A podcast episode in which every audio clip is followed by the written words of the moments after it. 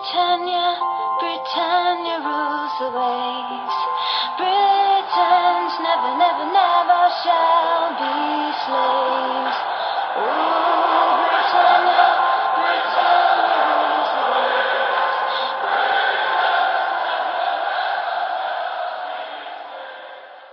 Hej och välkomna till avsnitt 234 utav Svenska FPL-podden.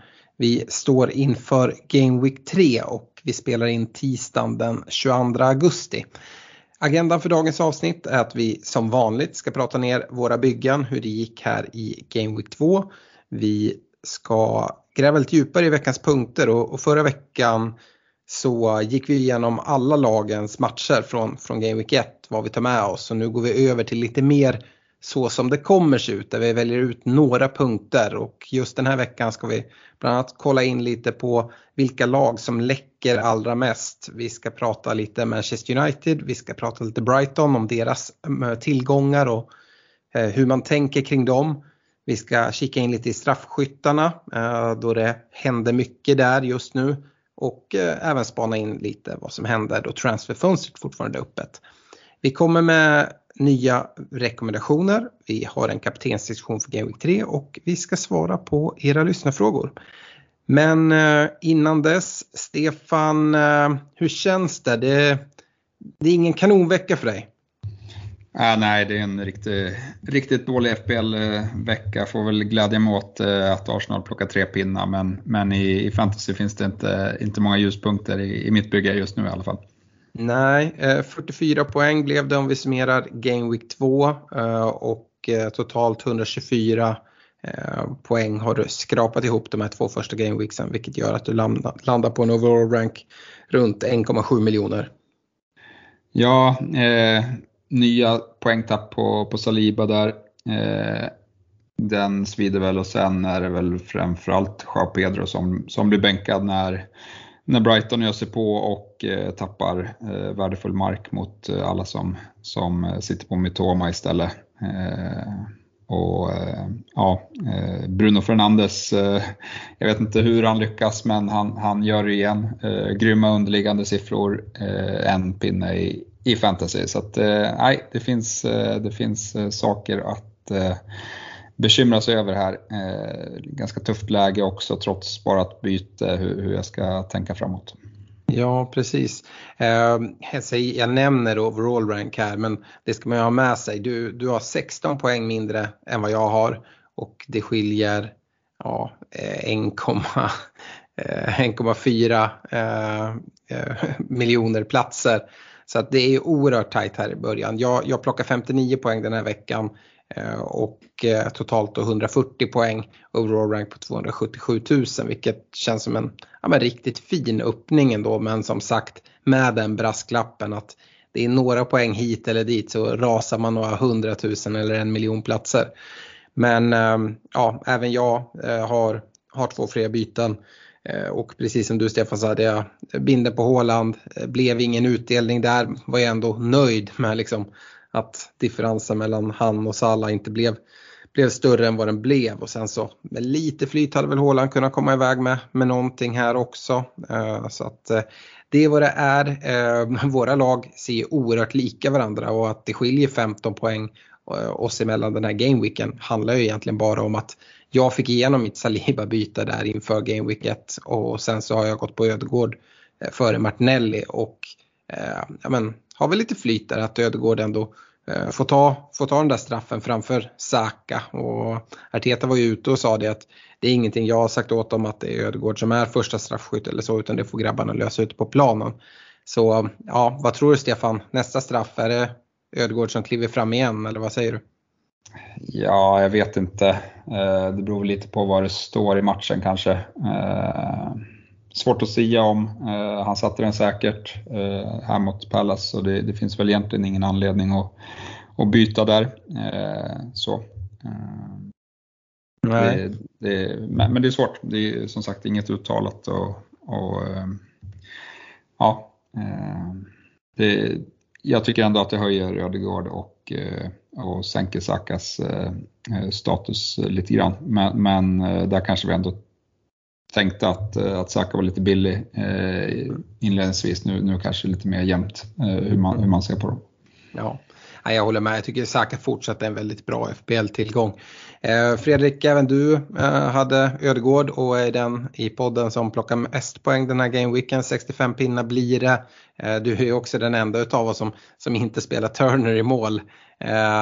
Ja, 65 poäng, totalt 134 poäng och en overall rank på 608 000.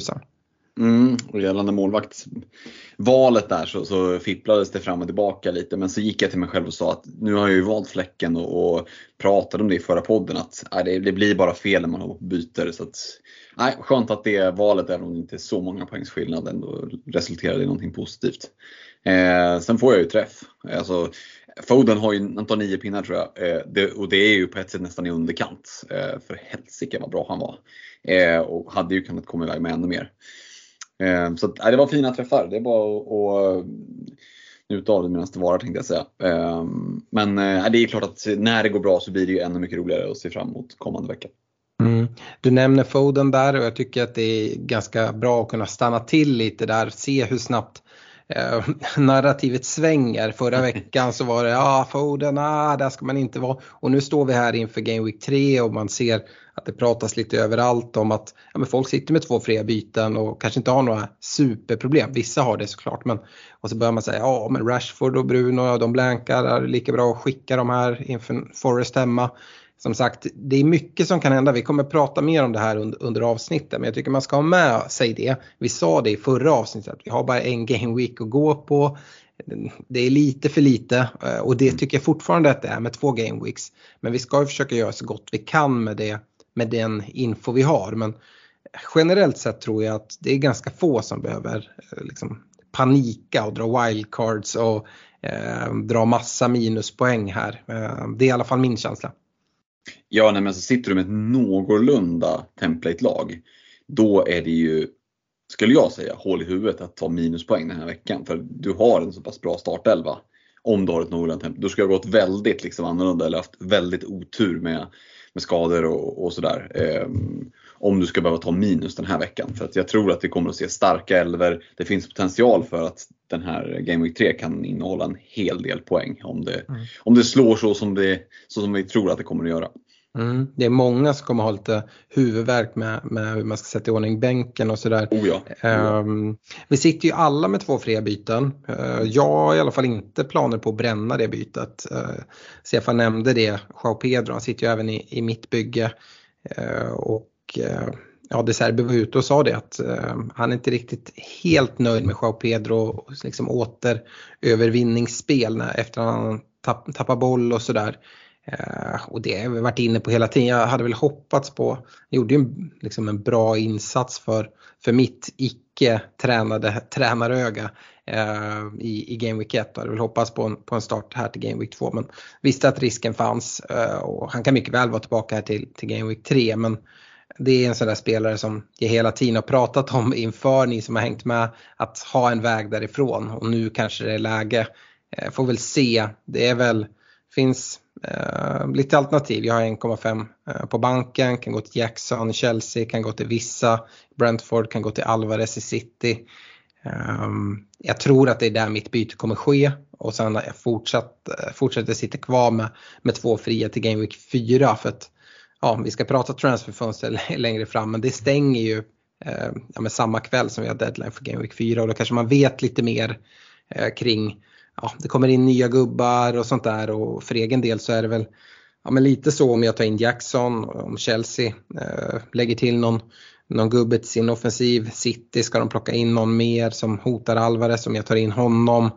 Uh, om inte annat så har jag Johnston i mål där Dean Henderson ryktas uh, vara på väg. Så att, eh, ganska fint att sitta med, med fler fria byten. Så att jag, jag kikar nog på att göra ett byte den här veckan.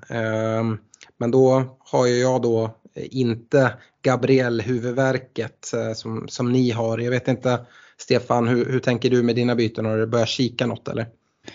Nej, men det är väl att Gabriel går ner i värde här. Han kommer göra det i natt. Eh, och det är väl där jag funderar på om jag eh, liksom ska skydda det, det eller inte. Eh, jag tror väl att Gabriel startar nästa match, men det trodde jag ju även eh, till den här matchen. Eh, så blev det inte. Eh, nu är Tomiasso eh, avstängd och Sinchenko borde vara, liksom en träningsvecka till i benen borde han eh, vara redo för, för en start kan jag tänka mig. Eh, och då tror jag Gabriel kommer in i, i laget. Sen tror jag väl han har goda chanser att spela mot, mot United också. Eh, inte för att man kanske liksom behöver en Arsenal-försvarare då.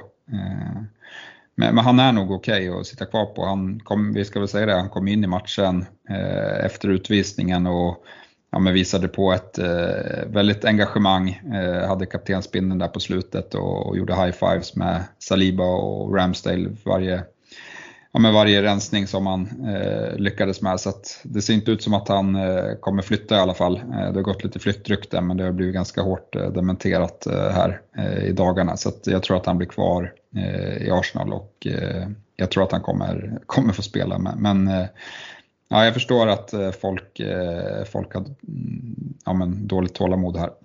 Mm. Eh, annars, prioriterat byte för dig, är det också Joao Pedro eller hur, hur tänker du där?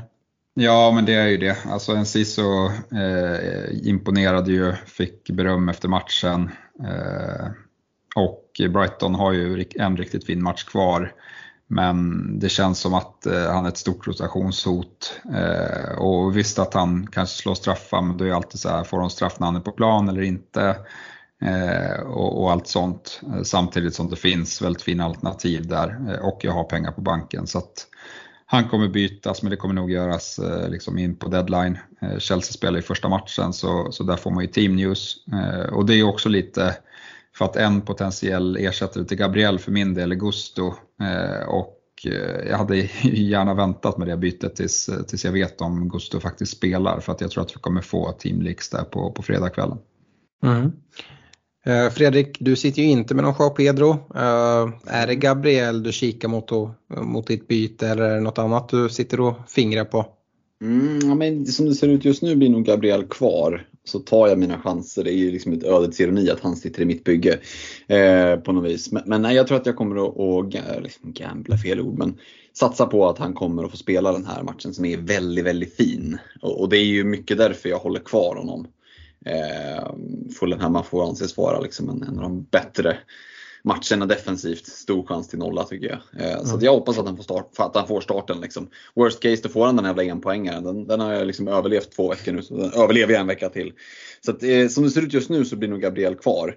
Eh, det skulle kunna vara, som Stefan var inne på, en Gusto om det kommer någon liksom någon läcka om att han spelar. Men det är också sådär ett byte. Jag byter till med ett problem så fort James är tillbaka. Så att, ah, jag vet inte hur, hur sugen jag är egentligen. Eh, det jag mer kikar mot att göra för byte, det är, eh, och där är det snarare att byta in än byta ut. Eh, jag är riktigt sugen på att dubbla upp, eh, eller trippla upp egentligen, eh, City-offensiven, dubbla upp City-anfallet. Eh, och då skulle ett alternativ kunna vara att göra Watkins eh, till eh, Alvarez. Och det är ett byte som kan slå, mycket, som kan slå fel. Watkins har ju ändå en, mm. en ganska bra match men eh, jag vet inte. Jag är inte helt övertygad. Tycker att han borde ha gjort betydligt mer mot det där pissgänget de mötte här senast. Eh, och visst, han har kommit ifrån med två ass och fem poäng och fem poäng och det är bra och det finns mer potential. Men eh, nej, fan gör man inte bättre än sådär mot, mot det där Everton då, då vet jag inte om man åker och gör det liksom i Burnley borta. Så att eh, Alvarez eh, har jag spanat in att försöka plocka in i anfallet. Och, eh, ja, då blir det väldigt massa pengar över och då, då känns det också som att då, då är inte en price drop på Gabriel, liksom, det är inget hot. Så. Mm. Nej, vi är inne och pratar lyxbyten nu i alla fall. Ja, verkligen. Det är, alltså, det är ju på nivån att jag, hade jag suttit liksom med ett byte så hade jag förmodligen bara sparat. Ja kan vi flika in där att, eh, att Fulham också är sämst i ligan på att försvara fasta situationer eh, och att mm. Gabriel faktiskt har tre mål på de fyra senaste matcherna mot just Fulham. Ja. Så att, eh, ja, det hade ju varit något att spara honom och, och han knoppar in en till balja mot dem, men det kanske är bara önsketänkande från min sida senast i våras när vi var på plats på Craven Cottage så, så kom, kom det ju mål när jag satt på bänken för oss Stefan. Exakt, exakt i våra FPL-byggen. Ja, eh, så kan det vara. Eh, vi, eh, vi lämnar våra lag där och får väl se lite vart vi tar vägen. Eh, vill man veta vart vi, vart vi tar vägen så gör man enklast att bli Patreon via patreon.com svenska FPL där vi lägger ut våra, våra lag eh, inför deadline och vilka byten vi gör eh, i ja, med våra messenger-trådar. Där eh, ja, vi även delar med oss information från presskonferenser och saker som händer. Eh, vi eh, sa det nu också att eh, vi, vi är snart redan vid första landslagsuppehållet och eh, det är ju mellan Game Week 4 och Game Week 5 och då passar vi väl på att, eh, att lotta ut lite mer priser från våra partners. Vi, vi lottar nu ut eh, tre stycken superclubs under landslagsuppehållet till, till er Patreons och som vanligt är det eh, en, två eller tre lotter beroende på om ni stöttar oss med 25, 35 eller 50 kronor i månaden.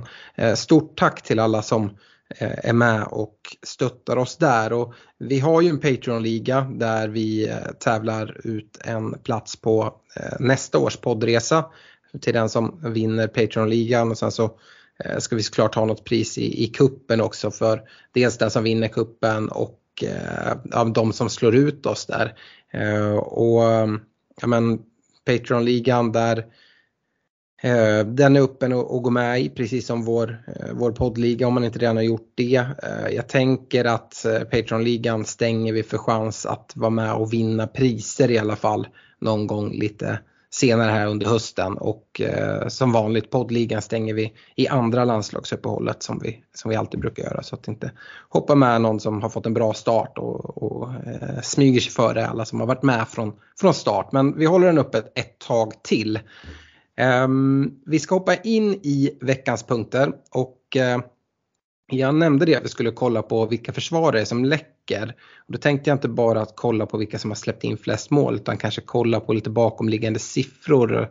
Och, ja, det här beror på om man är statistiknörd eller inte men eh, vi ska prata expected goals conceded och kolla på de, de sämsta lagen där. Och eh, Stefan du nämnde Fulham och de ligger ju sist med sina 5,92 på på två matcher. Det, det är inte superimponerande och det är väl eh, ja, men ganska lockande att sitta kvar med sina offensiva Arsenal-tillgångar. Va?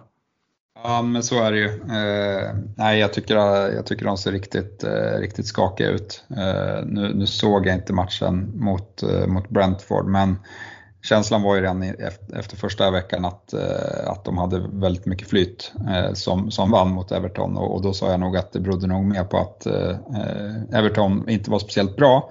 Eh, vilket visade sig att de åkte på en 4-0 torsk eh, mot, mot Villa här så att eh, ja, eh, Fulham tror jag kommer få det jobbigt. De, jag tror, det känns redan som att ja, men Fulham och Everton tillsammans med Luton och, och eh, och eh, Sheffield, eh, alla, alla kommer vara där nere och slåss i botten.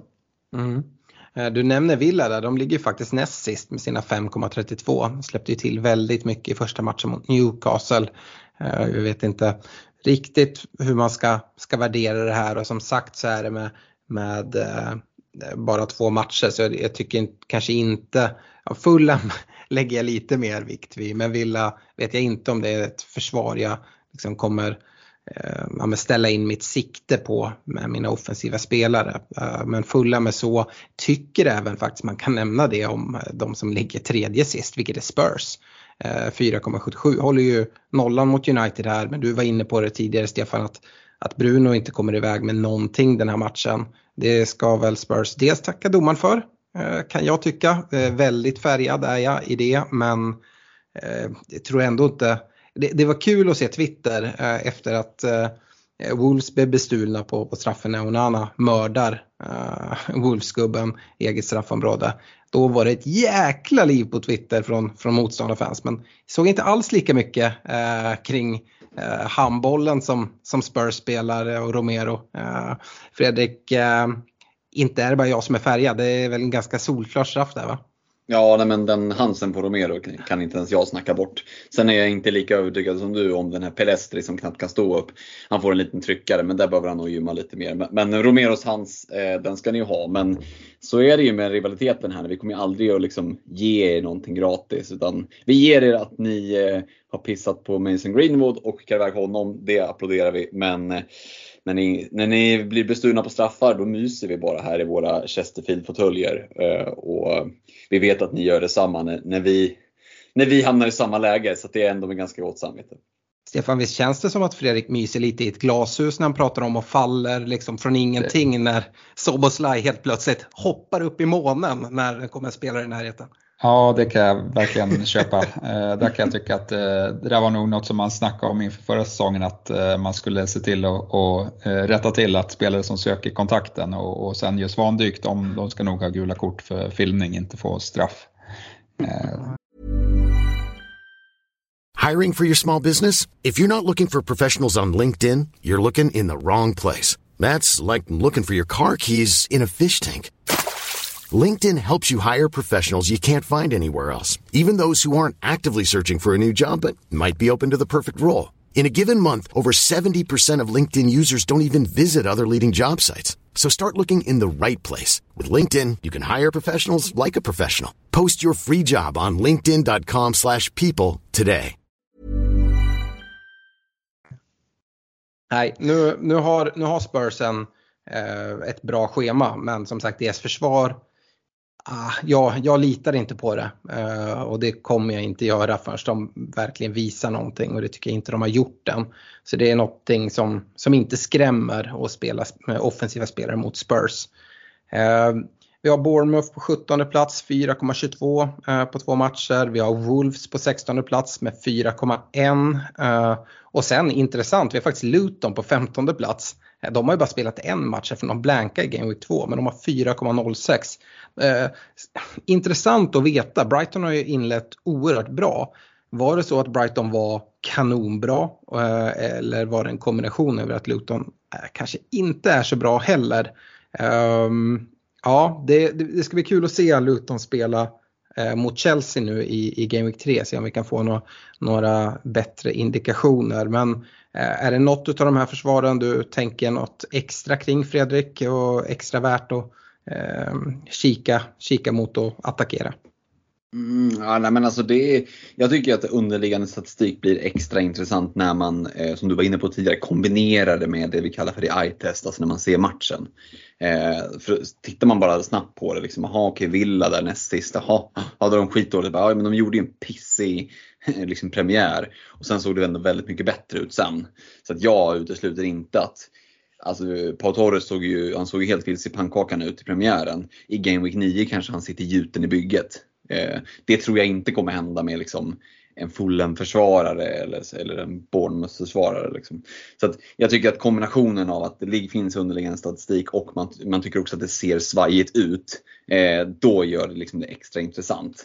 Eh, och jag håller med om att Spurs till exempel, där, det ser virrigt ut. Van de Ven är ny, Romero är överskattad och så ytterbackar som bara bombar på. Och de ska spela the Spurs way och vad är det då? Är det att göra mycket mål och torska då eller?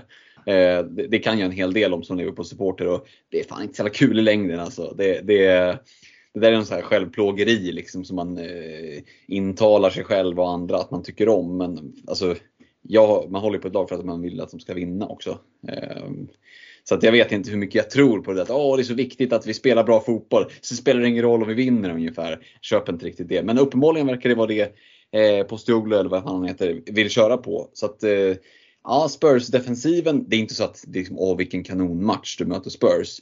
Men eh, det är ju någonting annat än när Conte tränade. Så kan man väl mm. säga. Absolut. Det, det, är ändå synd för att eh, han Udogi, eh, vänsterbacken, han ser ju faktiskt jävligt intressant ut. Men jag tror inte heller på att de kommer hålla speciellt många nollor. Eh, men, men sån eh, liksom är typ så här tillsagd att du får inte lämna sidlinjen. Eh, och, och, han kommer där och, och eh, ja, men bara bombar in i, i boxen hela tiden. Eh, så, så känns det som att det kommer bli en del offensiva poäng från, från hans fot. Han ser dessutom riktigt redo ut för liksom Premier League-fotboll, eh, tycker jag. Eh, en som har eh, fångat mitt öga, eh, kanske fotbollsmässigt men, men fortsatt lite tveksam FPL-mässigt där. Mm. Ja, jag tycker att han kan vara intressant FBL-mässigt också. Eh, som sagt med en prislapp på 4,5. Det är inte så att Spurs inte kommer hålla några nollor alls när de har, har bra schema. Vi såg att de gjorde det mot United, om än med lite tur. Så eh, alltså, nollorna kommer komma och så 4,5 femback i, i Spurs ändå som, som bombar framåt med den offensiven. Vi har sett det på Estupinjan som har fått väldigt fin utdelning och, och gjort det enormt bra i Brighton. Uh, att ja, det, Brighton har inte några nollor men det är två siffror med poäng i alla fall och det är sånt som också kan komma från Udogi om man fortsätter eh, se ut så här. Uh, så att eh, ja, jag, jag, stänger inte dörren där heller men eh, med det sagt så gillar jag inte Spurs offensiv men jag gillar, jag gillar honom. Mm. Um, vi ska prata United-tillgångar och uh, det handlar väl mycket om att det är folk som sitter precis som uh, du och jag Stefan uppdubblat i, i United offensiv i form av Bruno Rashford. Det är en hel del pengar investerat och eh, det är en poängare som, som kommer efter varandra och jag förstår att man lockas av att sälja dem, speciellt när det finns så många billigare spelare som gör det mycket bättre och med, med bra matcher. Men eh, som jag var inne på när vi, tidigt i, i, avsnittet att narrativet kan svänga väldigt, väldigt snabbt. Eh, det är faktiskt endast Brighton och Newcastle som har skapat fler eh, big chances de här första två game weeks. Även om United bara har kommit iväg med ett mål. Uh, går man in på spelarna uh, i sig, Bruno Fernandes mot Spurs, vi har pratat om det, han skapar fyra chanser varav två stycken är, är stora chanser. Han har en expected assist på 0,94 uh, eh, och missade själv en, en big chance, den, den nicken han har från, från nära håll och sen så som sagt den här uteblivna straffen då. så att det är precis som Foden, eh, att folk är lite osäkra där, sen gör han det jättebra. Hade Bruno kommit iväg med 1 plus 1 här, ja, men då helt plötsligt skulle folk börja prata om att ja, men Bruno måste man ha här framåt. Eh, och som sagt, vi får se. Nu tycker jag att Forrest har, har imponerat. Vi gick igenom eh, expected goals conceded och vi nämnde inte Forrest där. De hade ju bättre eh, XG-siffror eh, mot, mot ditt Arsenal i, i premiären, Stefan, det, det nämnde vi då. Eh, och eh, även här så, så gör de det bra. Eh, skulle väl haft nollan mot förvisso ett svagt Sheffield United, men vi som ställde Turner i mål fick ju eh, se att de, de släpper in mål och det är ett sånt mål som ja, det, det, är inte så mycket, mycket att säga om men eh, det, det, är, inget, det är inget skott som sitter eh, tio gånger av tio direkt. Det, eh, de släpper till ganska lite. Får se, eh, blir ett test att åka till Old Trafford och se vad United kan göra. Eh, men jag hade inte stressat ut Bruno Fernandes. Eh, Marcus Rashford däremot är väl liksom, om man sitter med båda och verkligen känner att man vill lämna, då är det nog snarare Rashford jag hade lämnat. Eh, men lite samma där, han, han missade två big chances eh, relativt tidigt i matchen eh, och var väldigt anonym i, i andra halvlek. Och jag tror att Rashford hade mått oerhört bra att få utgå från vänsterkanten snarare än som nia. Komma med lite mer fart från kanten och bryta in. Men vi väntar på att Höjlund ska komma tillbaka där. Eh, eventuellt att man kan spela Sancho i en falsk nia eller, eller någonting sånt. Men eh, det hade man mått bra av. Eh, är det så jag tycker inte att, även om jag tycker att man ska sitta, sitta lugn i båten, så kan jag förstå att om man sitter med båda att man kan byta ut den här om det är för att frigöra pengar. Om man vill göra två byten den här gameweeken Eh, och man kanske vill bli av med Jao Pedro. Om man inte har löst den här utgångsvägen att liksom som jag har 1,5 i banken och kunna gå till Jackson att dra ner eh, Rashford till en billigare spelare och sen eh, nyttja och göra något attackerande drag med det andra. Jag, jag vill inte helt slå igen den dörren även om man såklart kan bli biten i, eh, i arslet utav det.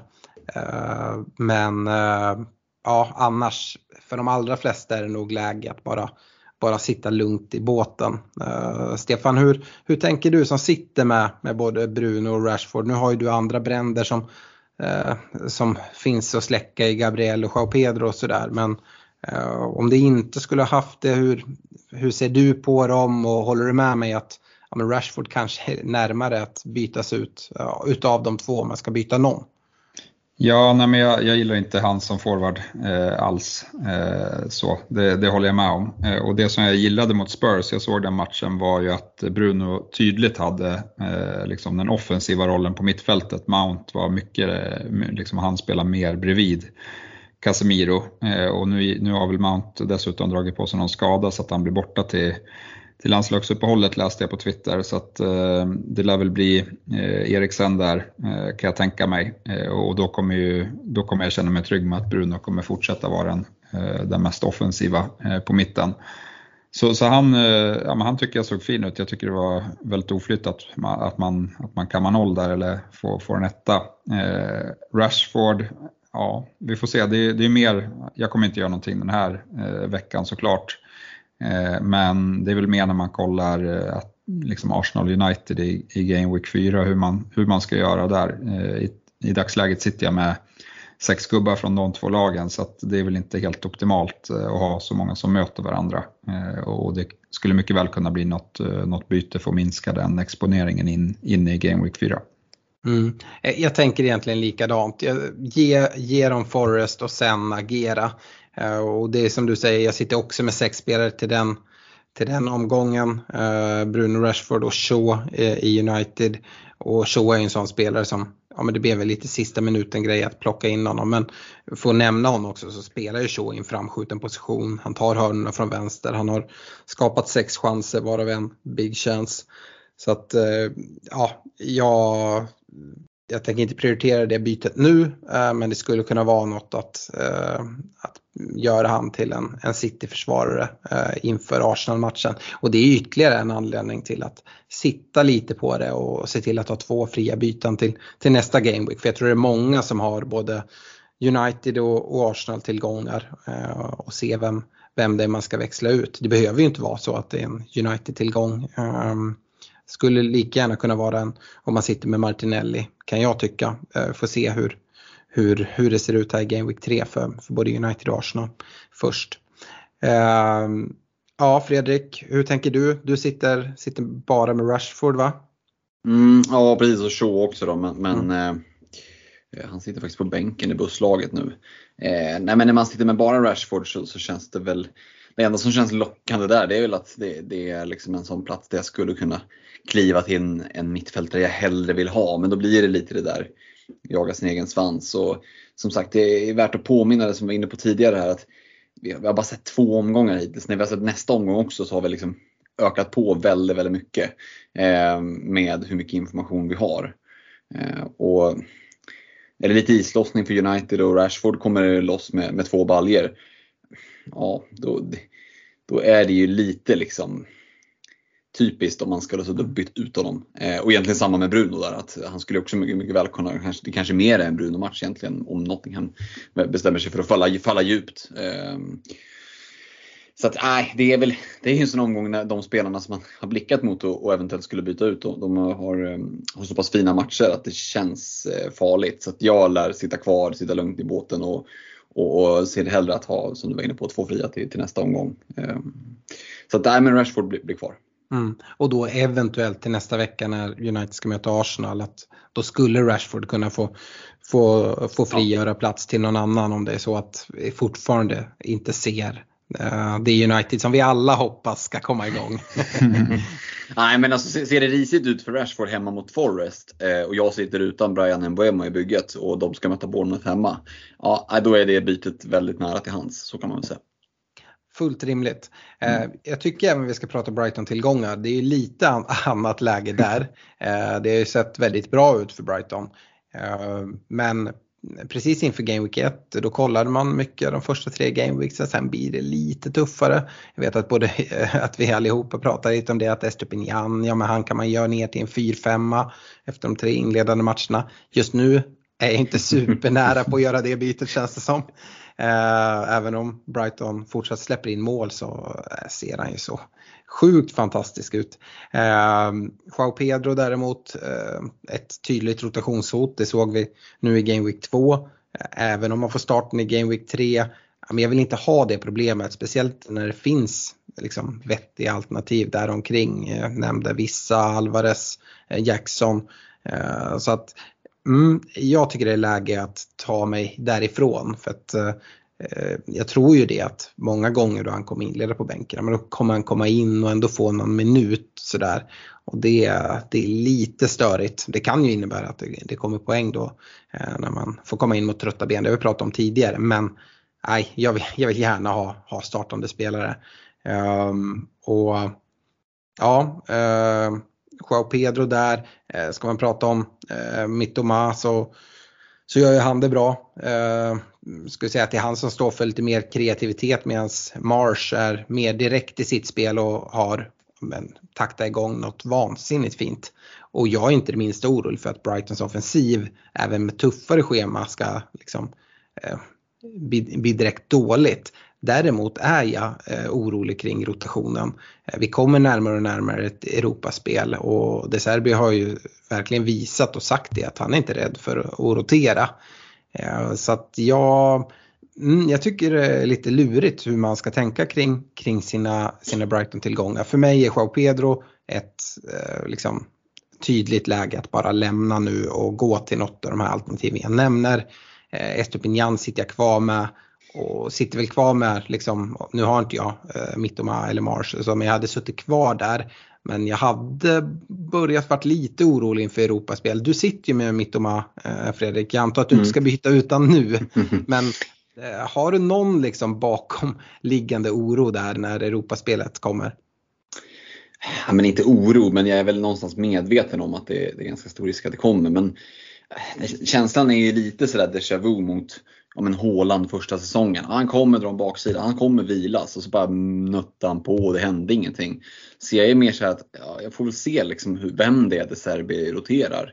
På vilket sätt han roterar. Kommer han att rotera genom att låta folk vila en hel match då eller kommer han slänga in dem en halvtimme kvar eller med fem minuter kvar? Det är ju svårt att liksom veta exakt hur det där kommer se ut. Så som Mitoma ser ut nu, men då ska han ingenstans. Han sitter ju gjuten i bygget liksom. Och en sån, alltså, ja, fördelen med Mitoma jämfört med Marge tror jag är att när det blir lite tuffare matcher eh, så tror jag att det gynnar Mitoma mer än Marge. Eh, ser Mitoma mer som en ja, men, han tar den här löpningen i omställningen. March är ju mer gubben i lådan som dyker upp och bara rakar in den. Och, och den typen av chanser kanske inte kommer bli lika mycket när du möter Newcastle eller United. Så, eh, så, så att Mitoma känns lugn att sitta på än så länge. Sen är det ju så att när Europaspelet drar igång märker vi att han börjar roteras. Ja, det, då kommer han ju eh, då kommer jag ju behöva göra någonting där. Samtidigt är jag inte så orolig för att han har gått upp i pris nu. Det är mycket möjligt att han kommer ytterligare liksom en att han går upp 0-1 till, det är perfekt och vi skapat oss lite, liksom, eh, lite buffert där. Eh, och i den här prisklassen så finns det ju gott om spelare som är intressanta att gå till. Så att det gör ändå att jag sitter ganska lugn och han får liksom spela sig ut ur bygget snarare än att jag eh, försöker vara liksom tidig på bollen där. Utan det, jag, jag, kan i dagsläget i alla fall se mig själv liksom vara lite sen på bollen för att kräma ut det sista ur, ur den här disktrasan. Liksom. Ja, det tycker jag du gör helt rätt i. Stefan, hur tänker du som sitter utan Brighton-mittfältare där? Det är lite lurigare för oss att gå till eh, en Mitoma eller en Solly March med, med tanke på de här rotationshoten som ändå kommer och att spelschemat vänder. Eh, är det något att kika mot att ändå plocka in för man ser ju vad det finns för uppsida där? Ja, nej, eh, valet var ju inte börjat tack vare att spelschemat skulle bli sämre och ja, men nu liksom inför Game Week 3 har jag ingen mittfältare jag vill sälja. Eh, så att eh, jag kommer stå utanför eh, och sen så kommer jag omvärdera framåt och liksom det är väl Ja men det är väl egentligen först vid Game Week 10 där som, som jag kommer, kommer kika på det igen tror jag. Mm, då hoppas vi på att eh, det kommer bli massa rotation då där och eh, kanske också se lite sämre prestationer från framförallt Mittoma eh, som sitter i många byggen och straffar, straffar oss icke-ägare eh, rätt ordentligt hittills. Eh, som tur är så har ju ja, med vårt val i Mbuemo gjort det väldigt bra men de, de stora vinnarna är de som, som redan i Game Week 1 gick på båda två där. Ja, allas alla byggen eh, har ju båda två skulle jag säga. Eller Väldigt, väldigt många i alla fall. Eh, ja, borde, borde ha i alla fall. ja, exakt. Nej, men mm. det, då, då, det var väl ganska givet att man gick på två 6,5 eh, där. Jag hade även kunnat sett mig själv om jag startar med två 6,5 och gått på SF förvisso. Absolut. Absolut. Um, yes. Uh, nästa punkt är straffskyttar och som sagt, ja, men Game Week 2 var ju en, ja, vi fick lära oss en hel del. Uh, eller lärde vi oss så mycket är väl egentligen frågan. Eh, Stefan, vi såg bland annat i Arsenal eh, Ödegård kliva fram eh, och ta straffen. Eh, vi var ju inne på det här eh, redan inför Game Week 1 där när vi såg Munterkild och Ödegård tog, tog första straffen att han kan mycket väl ha tagit straffarna från Saka. Eh, samtidigt som jag var inne på så Eh, var Arteta ute och sa det att äh, det är inte uttalat att det är Ödegård som, som tar straffarna utan det där sköter, sköter grabbarna ute på, på planen. Eh, du nämnde det att ja, Ödegårds aktie som FBL-spelare kanske stiger något medan Saka sjunker något men eh, det är väl inte jättemycket att göra utav den informationen ändå. Eh, Saka är fortfarande ingen spelare som ska säljas och man behöver väl inte springa till Martin Ödegård eh, som det är just nu va? Nej, alltså nu, det är klart att det är en bonus att vara straffskytt, eh, men, men, vi vet ju inte när nästa straff kommer heller utan det, det är inte säkert att man får eh, supermånga på en säsong. Eh, men, men, det är klart att eh, ja, för det första så vet vi inte vem som tar nästa straff eh, i, och, och liksom när den kommer. Så att, jag, hade inte, jag hade noterat det, jag hade inte dragit allt för stora växlar av det här och nu. Eh, hade jag inte. Men liksom när man står där med sitt wildcard så, så har man ju alla möjligheter att, att switcha om eh, om, man, om man vill det och, och i det, ett sånt läge så, så är det ju väldigt eh, bra att sitta på, på den informationen i alla fall. Mm. Eh, går vi vidare då till eh, ett annat poddlag eh, så har vi Liverpool eh, som fick en straff till skänks skulle jag vilja säga. Ja. och för oss som inte sitter med Salah så, och kanske framförallt för dig Fredrik som, som ändå är Liverpool-supporter så var det väl mm. optimalt med att först bränna straffen och sen ändå få in bollen eftersom att ni inleder rätt rätt knackigt mot, mot Bournemouth får man ändå säga. Ja, det var snällt sagt. Nej, men det kan ju inte bli bättre än att vi liksom vi får en sjukt billig straff eh, som är nästintill liksom ett skämt. Eh, och sen så eh, kan jag ju fan inte regissera det bättre själv, liksom, att alla bränner den och slår in returen. Eh, är ju för övrigt en regel som jag vill säga att jag tycker är för jävla dålig. Eh, jag kan tycka att eh, eh bollen borde vara död efter, efter en straffeslagen. Eh, för om målvakten räddar så är liksom, det är målvakten värd att rädda bollen. Det är min personliga åsikt. Skitsamma. Eh, optimalt. Jag tror ju att det här är liksom en av de få spelarna som kan bränna straff och fortfarande hålla dem. Jag tror att Salah behåller dem för jag tror inte att det är någon annan som har statusen i Liverpool att kliva fram och ta dem som är någon liksom naturlig straffskytt. Eh, Fabinho har lämnat, eh, Milner har lämnat. Eh, jag, liksom, jag kan inte ens direkt säga vem som skulle vara liksom, vem som slår straffen om inte Salah är på plan. Oj! Eh, nej men alltså, för mig inte, det känns inte det helt givet. Nej, eh. men ni har ju oerhört skickliga straffskyttar. Isoboslaj och McAllister som, som är nya Exakt. in till klubben. Uh, så att, Exakt. Alltså, ja, jo, men, det är ju det jag menar. Det, vi, har, vi har ju flera som är duktiga. Liksom, så att, men det känns inte som att det är någon av dem som är given. Och när de du nämner, de är ändå nya också in i klubben. Uh, det är ju också någonting att väga in. Så att, ja, min gissning är så god som, som någon annans och då känns det inte lika tydligt. Alltså, jämför man det med Arsenal-situationen där så kändes det mer som att Saka var straffskytt. Sen hade Ödegård stått och nött på, på försäsong och, och, haft sig och gjort mål på typ allt som gick att och göra mål på vad det gäller straffväg så då, då fick han ta den. Jag säger inte den tydliga tvåan, för det skulle lika gärna kunna vara Soboslaj eller McAllister som du var inne på. Och mm. Nej, då tror jag att eh, Salah håller dem. Jag tror att han ska bränna ett par stycken innan, han, innan liksom Klopp går in och plockar bort dem. För Salah kommer ju aldrig, alltså, han är ju, det blir inte sådär bra utan att vara eh, ganska egoistisk. Det är inte så att han kommer att lämna bort den till någon. Det är väldigt svårt att se. Eh, så att jag tror att han, han behåller dem helt enkelt. Eh, mm. Sen ska, måste han ju göra mål på dem för att ska generera poäng också såklart. Mm. Missa ett par stycken säger du, han har missat tre av senaste fem. Ja, det är ju ett väldigt dåligt facit. Så det, blir ju intressant att se om min teori håller för då, då kan man ju verkligen prata om, om status i laget. Att, man, mm. Ehm, eh, ja, att han ändå får behålla dem i så fall. Ja. Jag, jag tror att han tappar dem nu. Tror jag? Uh, ja, det tror jag. Mm. Uh, ingen aning vem som går först av McAllister och, och Soboslaj. Men det ska man ju säga att McAllister får ju, om ni får en billig straff så får man säga att ni också råkar ut för en, uh, ja men det säger de ju själva i och med att överklagan går igenom och McAllister kommer få spela nu mot Newcastle. men den utvisningen är ju oerhört billig. Mm. Och det betyder ju att McAllister eh, mycket väl skulle kunna ta en straff om ni får en mot, mot Newcastle då. Om det är han som står näst på tur före Soboslaj. Jag tror att det står mellan de två. Eh, mm. Det är så att eh, Salah blir av med dem. Sen så delar jag din syn. Jag tror inte att Salah går till, till Klopp och säger så här, vet du vad? Eh, jag vill inte ta några fler straffar nu. Det, det, det, tror jag inte alls på. Men samtidigt, alltså, har inte råd att hålla på och bränna straffar. Eh, och visst, Salah har ett ego och vill liksom slå straffar och sådär också. Samtidigt blivit äldre. Han måste också förstå liksom det här och ja, konstigt om, om det inte liksom görs någonting när man har missat tre av, av senaste fem som jag är inne på. Eh, Stefan, hur, hur ser du på straff, eh, straffordningen i Liverpool? Jag tänker att det ska bli intressant att se. Eh, liksom, så, som manager eh, så hade jag liksom, kanske övervägt att byta straffskytt men det är ju en lite speciell situation med tanke på eh, ja, men hur mycket högre han står i, i kursen än övriga gubbar offensivt där i Liverpool. Mm. Ja, jag vet inte, jag, inte, jag blev inte mer sugen på att ta in Salah efter, efter den här matchen. så att i, i, i FPL så så tycker jag att eh, ja, men för mig är det lite sak samma. Det är klart, tappar han straffarna så, eh, så är det ju det negativt såklart.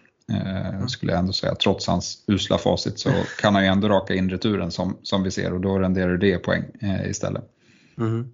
Eh, någon, någon, som har haft straffarna och haft ett rätt dåligt facit det är ju Ollie Watkins i, i Villa. Eh, han är ju, får vi väl ändå se som är borttagen från straffarna nu. Vi ser att det är Diaz som, som slår in den här även om det är Watkins som, som fixar den. Eh, och det är väl samma, både Salah och Watkins är väl sådana spelare som Ehm, ja, ja, har slagit straffar men också ganska ofta fixar dem. Och då får man ju assisten i alla fall om man slipper riskera att eh, få minuspoäng för, för missad straff. Så jag vet inte, eh, Fredrik, du pratade om att eventuellt byta ut Watkins. Finns det någonting i det beslutet att han eh, ser ut att inte slå några straffar? Ja absolut. Det är ju som sagt det är, det är ingen jätte, liksom, den tyngsta aspekten men det är, för en sån som Watkins så absolut. Eh, visst det, har det varit någonting positivt som liksom har funnits där. Eh, ja, men, gjort honom lite till den här talismanen i Villa och så. Douglas Luiz, ja han är säkert jätteduktig på att slå, slå straffar men det känns ju B liksom att han de släpper den så. Nu har ju du, som du redogjorde för, han har ju inte haft något bra facit så det är väl inte så konstigt. Och för min egen del så blir inte jag ledsen om jag ser att McAllister kliver fram istället för Salah nästa gång. Så att jag förstår ju liksom resonemanget kring att byta. Eh, så att ja, nej, Watkins eh, har de inte längre och det gör ju liksom, det är knappast positivt för för intresset för honom. Ehm, så att, nej, det, det, det är absolut en, inte superstor, men det är en aspekt i, i varför han ligger pyrt till i The Anfielders. Mm. Vi brukar ju prata om det, folk som tar straffar, mycket fast situationer. Eh, ja, men, kan bli väldigt intressanta. Vi pratar om SC Palace till exempel. Eh, Douglas Lewis tar ju eh, mycket hörnor, frisparkar och sånt. Men det är en spelare jag inte skulle lockas för mycket att gå mot. Eh, prisad 5,5 eh, ja, men vi har så många fina alternativ där runt 6-5. Eh, så att jag hade inte gått dit. Ska man också säga att ta hörnorna i Villa hittills i alla fall så har eh, Douglas Lewis slagit väldigt mycket korta hörnor eh, och inte skickat in dem. Eh, så att eh, mm, det är i alla fall så jag ser på Douglas Lewis. Det är inte så att han nu är liksom den självklara gubben att gå till. Ehm, Ja, brända straffar. Enzo brände i Chelsea, Stefan. Och jag vet att eh, du spanar lite mot han och där är väl en till sån där gubbe som är liksom prisad lågt. Han är väl prisad ännu lägre, än 5,0. Ja, 5,0. Jag, jag satt och liksom tänkte på att han är lite bortglömd nu med, med Chelseas eh, spelschema och eh, ja, men, eh, jag hade läst på Twitter att det spekulerades mycket i att han mycket väl skulle kunna vara första straffskytt. Och det var han ju, men, men tyvärr så brände han ju den. Eh, så att, eh, men, liksom, tanken där är ju dels att eh, han har ju spelat rätt djupt. Nu får de inka i Cedo, mm. vilket gör att jag tror att han skjuts fram lite grann. Chukwuemeka gick sönder här i, i, sex veckor i den här matchen. Han har ju spelat den offensiva rollen på mittfältet. Är det så att liksom, de ska trycka fram en så ända, ända fram dit vi vet inte hur, hur de tänker sig med Lavia, om han blir en startspelare eh, eller inte. Eh, men, men liksom tanken är att Enzo kommer få en offensivare utgångsposition eh, och han tar, vi har sett att han tar väldigt mycket hörnor eh, här mm. inledningsvis. Eh, och eventuellt vara på straffar och det fick vi bekräftat men frågan är ju ja, om, om, om det blev en straff för hans del eller om hans förtroende kommer, om han får, får förtroende att ta någon mer. Det är ju väldigt svårt att säga om när det var så oklart från början vem som skulle slå, eh, slå straffarna för Chelsea. Ja, det är väl lite brist på, på folk att slå dem egentligen eh, i, i Chelsea.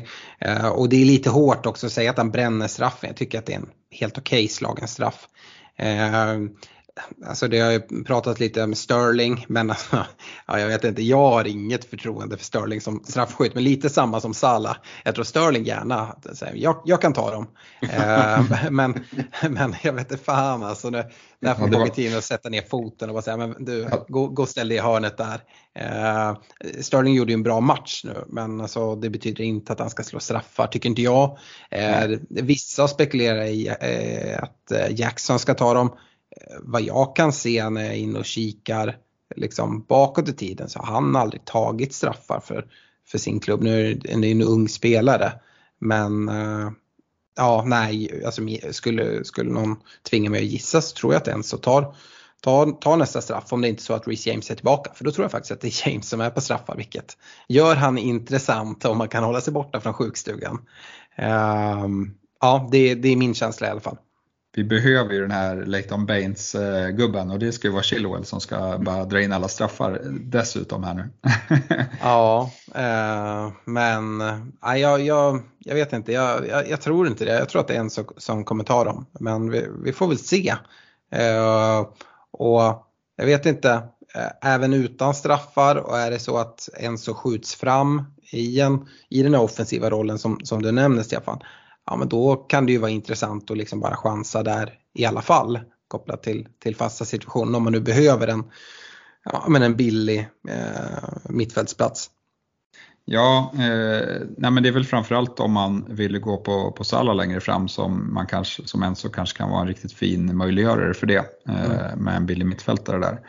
Eh, som man dessutom skulle kunna spela. Då. Eh, jag, tänker, jag tycker faktiskt eh, Eh, Liverpool såg mycket bättre ut efter de åkte på den här utvisningen eh, och de bytte in eh, japanen på, på mitten. Det känns som att de fick en bättre balans. Så det ska bli, jag, jag miss, nu vet jag inte om, om de tänker värva någon mer defensiv mittfältare men det, det ska ändå bli spännande att se när, när Liverpool liksom ställer upp ett lag som är någorlunda balanserat och vad det gör för, eh, ja, men för resten av laget. Eh, jag tror att det kan göra mycket gott för att det känns som att ja, men det är mycket kreativitet på, i det där laget men det känns som att de även springer lite eh, i vägen för varandra just nu. Det är lite väl offensivt balanserat i, i min bok i alla fall.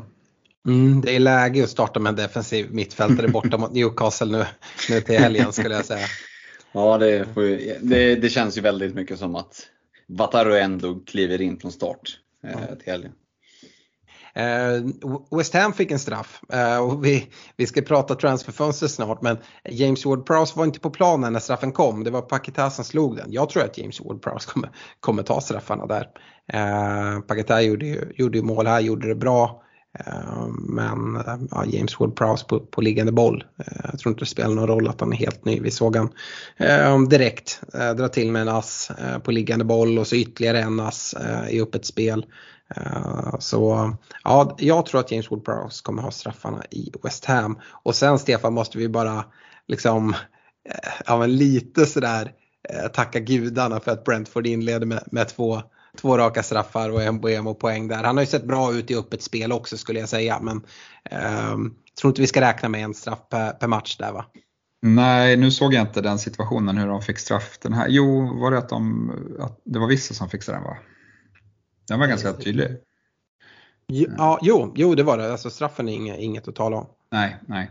Eh, och jag tyckte ju att de kanske skulle haft en till straff mot Spurs i första omgången. Så att, eh, nej, de har varit riktigt duktiga på, på att fixa, fixa straffar inledningsvis. Men nej, hans siffror är ju lite boostade, eh, absolut. Jag tror inte att han kommer vara den mittfältaren som tar eh, mest poäng när vi summerar säsongen. Eh, men som sagt, med, med de matcherna som Brentford har nu och att de ser, ser bra ut fortsatt, ju, det finns ingen anledning till att, att inte sitta på honom trots det.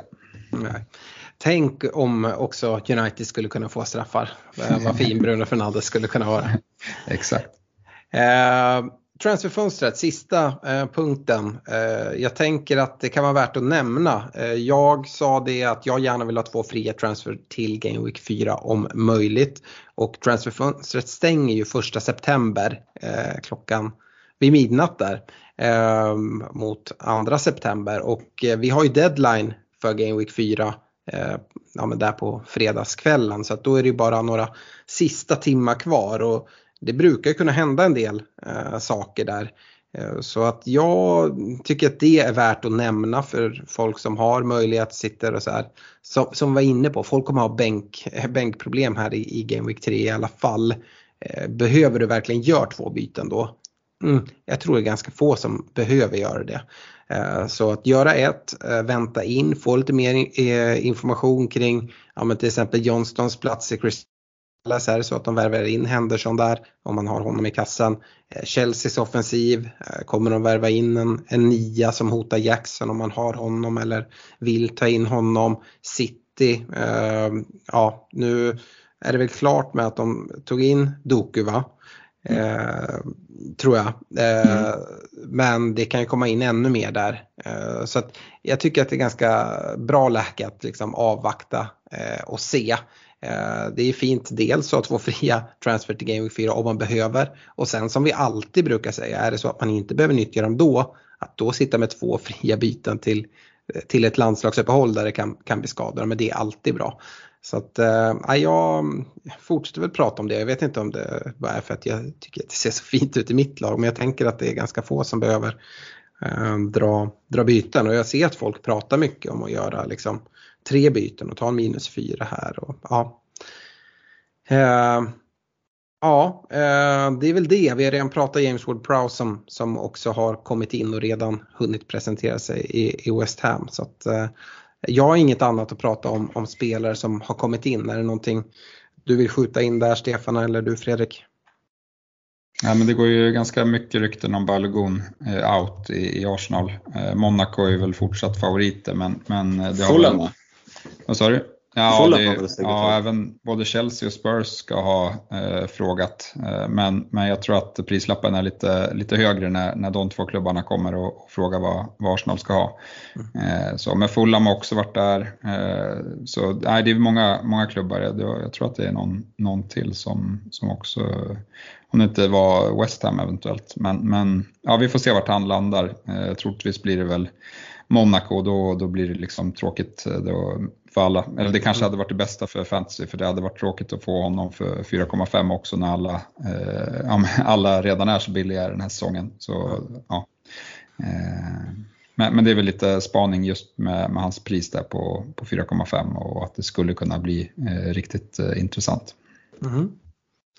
Yes.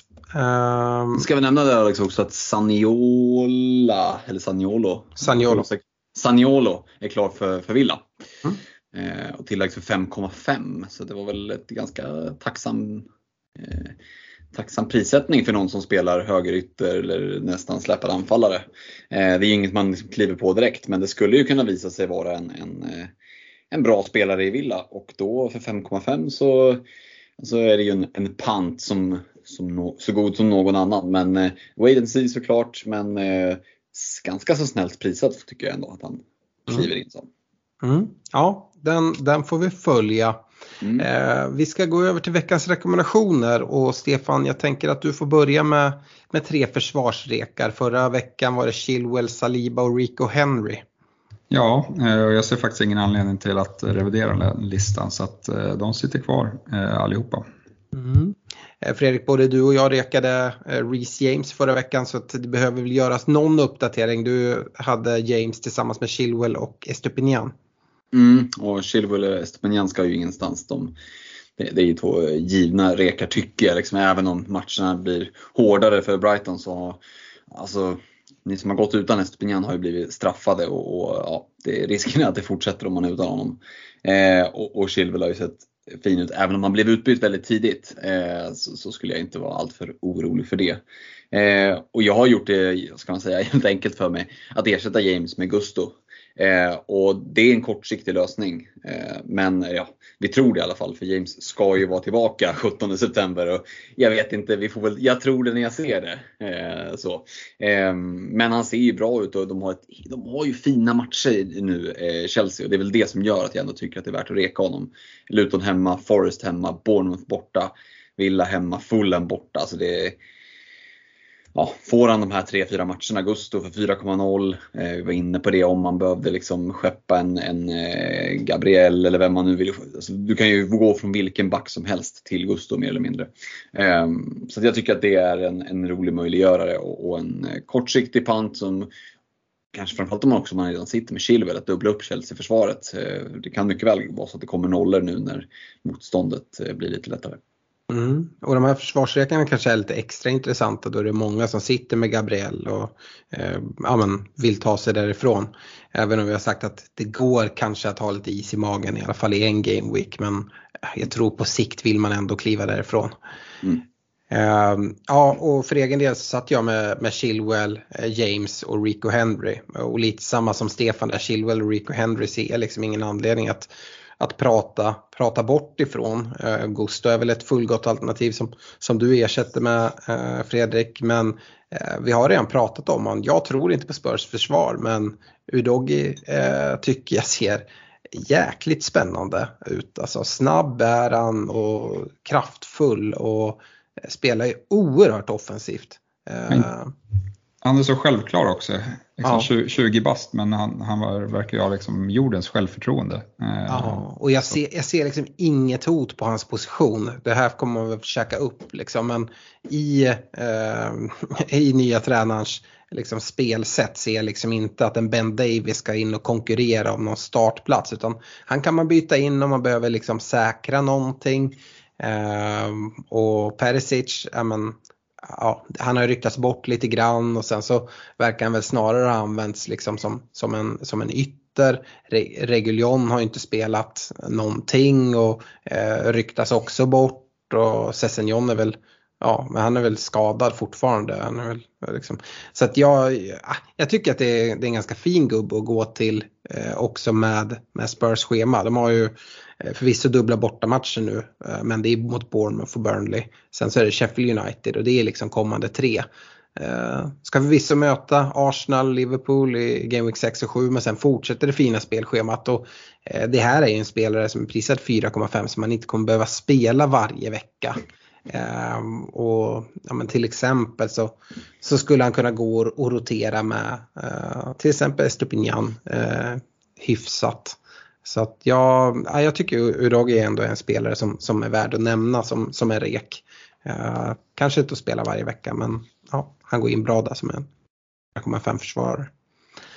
På, på mittfältet Fredrik, Madison, Emboemo och Luis Diaz. Mm, så var det. Eh, Madison drog ju på sig en liten skada här och rykten, i alla fall de rykten jag har läst i våran Messenger-tråd, det är ju att han eventuellt i allra bästa fall skulle kunna vara tillbaka till helgen men att det kanske är tvek om man chansar med honom. Den, de oklarheterna gör ju att han får eh, lämna plats i reken. Eh, och ja, Mbuemo är kvar. Luis Diaz är kvar. Och jag kan inte göra något annat än att ta in Phil Foden. Alltså ser man ut som han gjorde i förra matchen. Man ska möta Sheffield United och helvete, de är, ser fan ännu sämre ut än Everton tänkte jag säga. Inte riktigt så. Eh, men de, de ser ju, det ser ut som en Championship, eh, liksom ett Championship-lag tycker jag. Eh, jag tror att de kommer att åka på dyngpisk i många matcher. Kommer en av de matcherna kan vara mot City? Ja, det är rätt troligt skulle jag säga. Så att Mboyama är kvar, Diaz, Luis Diaz är kvar, Phil Foden kliver in istället för Madison. Mm. Vi hade ju exakt samma mittfältsrekar eh, senast du och jag Fredrik. Mm. Eh, och jag behöver ju också ersätta Madison. Jag ska säga det, är det så att man sitter med Madison i laget så vet jag inte om jag hade lagt ett byte där. Eh, utan jag hade nog bara satt på bänken. Eh, om, om man nu har liksom bänk, eh, huvudvärk som, som många har. Eh, för att det är förmodligen inget allvarligt som borde kunna vara tillbaka. Mm. Um, men om man ska byta in någon nu då hade jag inte tagit in Madison och då hade jag också vänt mig mot, Foden i exakt samma priskategori också. Um, så att, eh, och Mboemo, ja han är såklart kvar. Diaz Fredrik, jag läste lite om någon eventuell känning eller skada där. Är det så att det inte är något där, ja men då sitter man såklart kvar. Då kan man byta in Diaz. Men är det så att man får information om att Diaz är borta, då tycker jag att det är ett perfekt läge att istället för att reka Diaz eh, vända sig till eh, Diogo Jota eh, i, reken. Men har du någon uppdatering där om Diaz eller? Nej, inget mer än att det, alltså, det var ju då, alla får ju smällar och sådär men jag har inte hört någonting om att han skulle vara borta. Liksom. Så att jag, om det inte dyker upp någonting mer under veckan då räknar jag med att han startar och han har ju varit, ja men han har inte varit bäst i Liverpool, det har nog fan Soboslaj varit. Men, men Diaz har ju varit bra, gjort de här liksom målen, ja, men lite mané, det är lite mané-feeling på honom, eh, känslan. Eh, för han, gör, han har det där lilla extra och kan göra målen som inte alla kan göra. Så att, eh, det är jätteoroväckande om det nu visar sig vara någonting. Men, men jag har inte hört att det skulle vara något subst, liksom, av substans än så länge. Så jag lever på hoppet om att eh, han ska vara redo för Newcastle. Jag tror att Newcastle borta är ju liksom en jättetuff match. Så det är inte att jag räknar med tvåsiffrigt poäng där.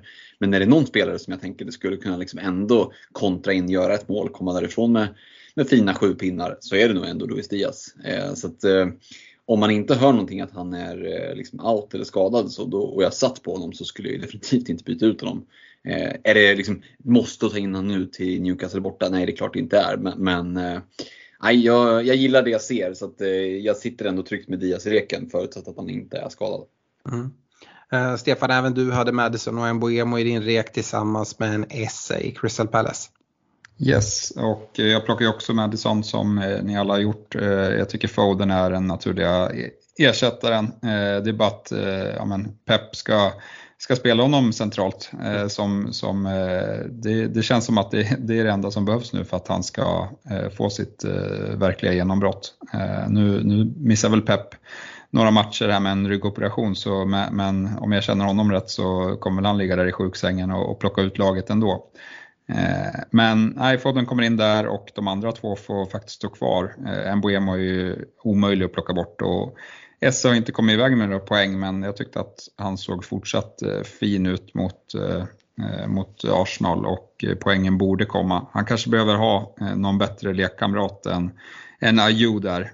Så om Olise kan kan eh, komma tillbaka från, från skada tror jag det hade gjort mycket gott eh, för, för SS del så att eh, motståndarlaget kan fokusera på, och, eller ja, få, få två spelare som är lite jobbiga att plocka bort istället för att bara rikta in sig på att stänga ner SS. Mm. Går vi till anfallsrekarna så börjar jag. Förra veckan hade jag eh, Julian Alvarez och Jackson eh, som rekade fram och eh, vi hade all, alla tre Alvarez som rek. Det finns ingen anledning att ta bort där heller. Eh, och det, det är precis här jag ska byta Joao Pedro och kan mycket väl gå till någon av de här två eller kanske vissa. Men eh, jag väljer att inte ändra något. Just nu är det nog favorit att jag tar en chansning på på Jackson i alla fall. Jag gillar Chelseas spelschema. Eh, och ja, eh, det är nog där jag kommer landa och då känns det konstigt att ta bort den från, från reken. Jag hoppas att liksom precis pricka när man ska plocka in honom här för han har inte kommit iväg med, med, eh, med poäng hittills. Men eh, ja, eh, Alvarez och Jackson blir även denna vecka för mig. Stefan, du hade Alvarez tillsammans med Joao Pedro. Där bör det väl bli någon uppdatering va? Ja, det blir ju det. Eh, vi har redan varit inne på det. Joao Pedro, eh, jag trodde att han skulle få mer förtroende innan Europaspelet eh, drog igång, men, men icke. Eh, han är ett rotationshot och han, han får flytta på sig och det får bli Jackson som, som kommer in där. Så det blir identiskt eh, med, med din rek. Yes, och Fredrik jag räknar med att det inte är Jackson som kommer in här. Eh, eh, du hade rek på Alvarez och Watkins, samtidigt har du i avsnittet pratat om att eh, Watkins eh, han, ska, han ska bytas ut förvisso då mot Alvarez men inte kan du då ha med honom i din rek. Nej, han får göra plats. Alltså Alvarez är ju kvar för dit planerar jag ju själv att gå. Men jag tycker att vi, det är svårt att bortse från, från vissa. Um, så att för mig känns han eh, liksom given där bredvid. Det pratas och ryktas en del, inte jätteintensivt sådär, Brentford ska köpa någonting. Och, ja, jag tror det när jag ser det och när de väl har köpt någonting, om de nu gör det, då ska den spelaren matchas in och det hinner gå ett par matcher. Och jag tror inte att vissa kommer att bara sitta bänk, han har ju gjort det bra liksom. Så att, eh, Ah, jag, jag, tycker att det, och med det här spelschemat, det är liksom, du byter ju inte in en Brentford-spelare nu för om ja, fyra veckor så börjar det ett bra spelschema. Fan, de har Pallas hemma, Bournemouth hemma, sen har de absolut Newcastle borta hemma, Everton hemma. Så tre av de nästkommande fyra är ju mot liksom, ja, men lag på den undre halvan, varav två är klappruttna liksom, defensivt. Eh, speciellt på bortaplan. Så att, eh, nej, det är jag som sitter ren på utespelare från, från Brentford nej, det är ju gömma sig bakom soffan. Så jag tycker vissa förtjänar en plats i reken bredvid Alvarez. Mm, jag, jag, tycker det är bra att han får ett omnämnande. Eh, det som, jag undrar om det är därför, eller om det är ditt, mm. ditt hat mot Jackson. Eh, eh men att, Absolut inte. Men att, men att du inte har en Boemo på mittfältet. Jag känner väl lite sådär att dubbla upp Brentford offensiven. Äh, är det det jag ska göra? Tror jag att Brentford kommer vräka in mål även mot de här sämre motståndarna? Jag är inte helt övertygad. Eh, men om man som dig inte sitter med, med, eh, med en Boemo på mitten och man har eh, Joao Pedro behöver gå därifrån tycker jag vissa är ett superalternativ. Hur ser du på det Stefan? Eh, är det lite därför du drar dig för att liksom reka vissa före Jackson eller hur, hur går dina tankar där? Ja men det kan nog spela in eh, faktiskt. Eh, det, det, Fredan lägger fram det bra där. Det är inga bra motstånd som, som de ska möta på hemmaplan eh, kommande fyra och liksom eh, Ja, då ska man igen, då, det räcker nog så. Man, man ska nog inte bry sig så jättemycket om den där Newcastle-matchen. Mm. Eh, samtidigt eh, lockas man ju av, av Jacksons två kommande här. ja, nej, det, det, blir svårt. Vi, vi får se vad, vad utfallet blir. Eh, än så länge så är det ju klar fördel till, till vissa vad, sett eh, från ja, men, vad, vad de har presterat. Eh, vi får hoppas att, att man tar rätt beslut där helt enkelt. Men, men för mig är det nog en av de två som ska in. Jag är lite orolig för för Alvarez minuter nu här efter de värvade in han yttern för rätt mycket pengar, mm. Doku, eh, vilket ja, men det känns som att eh, det kan bli ett problem längre fram. Eh, ja, kanske, kanske lite på sikt, men om inte annat också just den här eh, muskelskadan som Alvarez har dragit lite med. Eh, som gjorde att han inte startade i, i superklubb, eh, supercupen också. Uh, är ju någonting som, som jag också väger in. Så för mig är det nog också sådär att, jag vet inte, nu har vi alla med Alvarez i, i våra rekar. Men men eh, jag tror att jag är närmare att gå på, gå på vissa eller Jackson. Eh, och, eh, Fredrik nämnde fina spelschemat för, för, eh, för Brentford och vissa där. Och, ja, Chelsea-spelschemat har väl alla koll på också. Det är dubbla hemmamatcher nu mot, mot Luton och Forest och sen så är det Bournemouth direkt efter eh, landslagsuppehållet. Så att, eh, ja, det ser ganska bra ut för, för Chelsea också, eh, ska sägas. Uh, får se. Skulle, nämna där Alex också att City har ju också ett jävla bra spelschema. När vi ändå är inne på det. Det låter som att alla har det men, men det är ju ett par, tydligt att det är ett par lag. Alltså Sheffield United borta, Fulham hemma, West Ham borta, Forest hemma kommande fyra. Mm. Är... jo, jo, det, är, det är bra schema på, på alla, de här, alla de här lagen. Um, yes. Uh, Innan vi går till kaptensdiskussionen ska vi eh, rikta ett stort tack till våra, våra partners som ser till att vi har så fint prisbord. Vi har ju pris till, till topp 10 i poddligan och det är absolut, absolut inte för sent att gå med om ni inte redan har gjort det. Vi har dessutom månadspris och vi har ju eh, faktiskt bara Game Week 3 kvar utav augusti och när vi summerar augusti månad då den som har högst poäng i poddligan de skickar vi ett eh, superclub till eh, Superclub-spel. Eh, vi, eh, jag nämnde ju det, vi skulle tävla ut eh, eller lotta ut tre stycken Superclub-spel till, till våra Patreons här men det är även pris vi tävlar om i, i poddligan varje månad. Uh, utöver Superclub så uh, har vi ju priser från Glenn Sportsbar, vi har från Unisportstore.se, Eh, där man även har rabattkod eh, eh, FPL-podden. Man får 20% rabatt på ordinarie pris vid köp för minst 500 kronor och det gäller augusti ut så det är väl en, en vecka kvar här. Eh, ni köper er merch, eh, Svenska FPL-podden merch på netshirt.se. Vi har lite grejer på väg in med nytt sortiment. Vi återkommer om det när allting är klart och ligger uppe i shoppen. Ehm, hos nakata.se Fredrik eh, så har man också rabatt. Mm, 15% på första köpet, även på nedsatta produkter. Så du vet den här disclaimern som finns hos alla andra. Ja, det finns ju inte där. Så att eh, FPL 2315 eh, Alltså det, tischerna är nedsatta riktigt bra. Och, ja, var själv inne och fyndade eh, lite här om dagen. Så att eh, FPL 2315, 15% på första köpet på allt på nakata.se. Yes. Eh, och sen så har vi ju reducering.se som är vår, vår spelpartner och eh, vi fortsätter ju med, med våra andelsspel som vi lägger ut och här gäller det ju att inte eh, ta det lugnt där på i, i, veckan utan här får man vara med om man eh, vill få en andel, eller hur Fredrik? Ja, det, var, det är hårt tryck på dem. Eh, vi, eh, Stefan gjorde ju förra, eh, förra, förra helgen och jag gjorde helgen som var här. Och, ja, båda vi har lyckats pricka två tior, alltså tio rätt och så uddamålstorsk på de tre som vi bommade. Så vi känner ändå att vi har lite hugg på, eh, på pengarna. Eh, så det är roligt. Eh, och, ja, men jag kan verkligen rekommendera in och sitta och, och, pilla med det här för att det är lite, påminner väldigt mycket om att sitta och pilla med sitt FPL-bygge eh, det kan verka liksom klurigt men jag tycker att Oskar förklarade det bra i det där gästavsnittet som, som du gjorde Alex med, med honom. Att, alltså för jag har bara tänkt, jag har bara fått höra, liksom blivit manglad med att fan, reducerade rader, man kan få 11 rätt och så får man inte det ändå och så är det bara skit. Så ja, men då har man missat poängen. Eh, det var ju typ var det över 10 rader, 10 system som vi gjorde via reducering.se som plockade 13 rätt i helgen. Eh, en snubbe som eh, eh reducerade ner till 216 raders eh, plockade 13 rätt. Eh, och det hade han inte gjort utan att reducera systemet.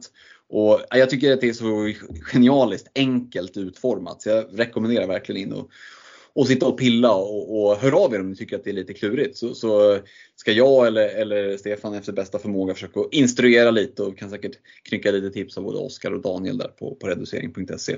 Ja, där, ehm. där, ska, där ska vi väl säga det också att liksom släpp sargen nu, sluta spela era 64 raders system och liksom öka på chansen för er och, eh, och, och vinna genom att eh, nyttja reducering.se. Eh, för visst, vi pratar andelsspelet och det är ju klart man ska haka på där.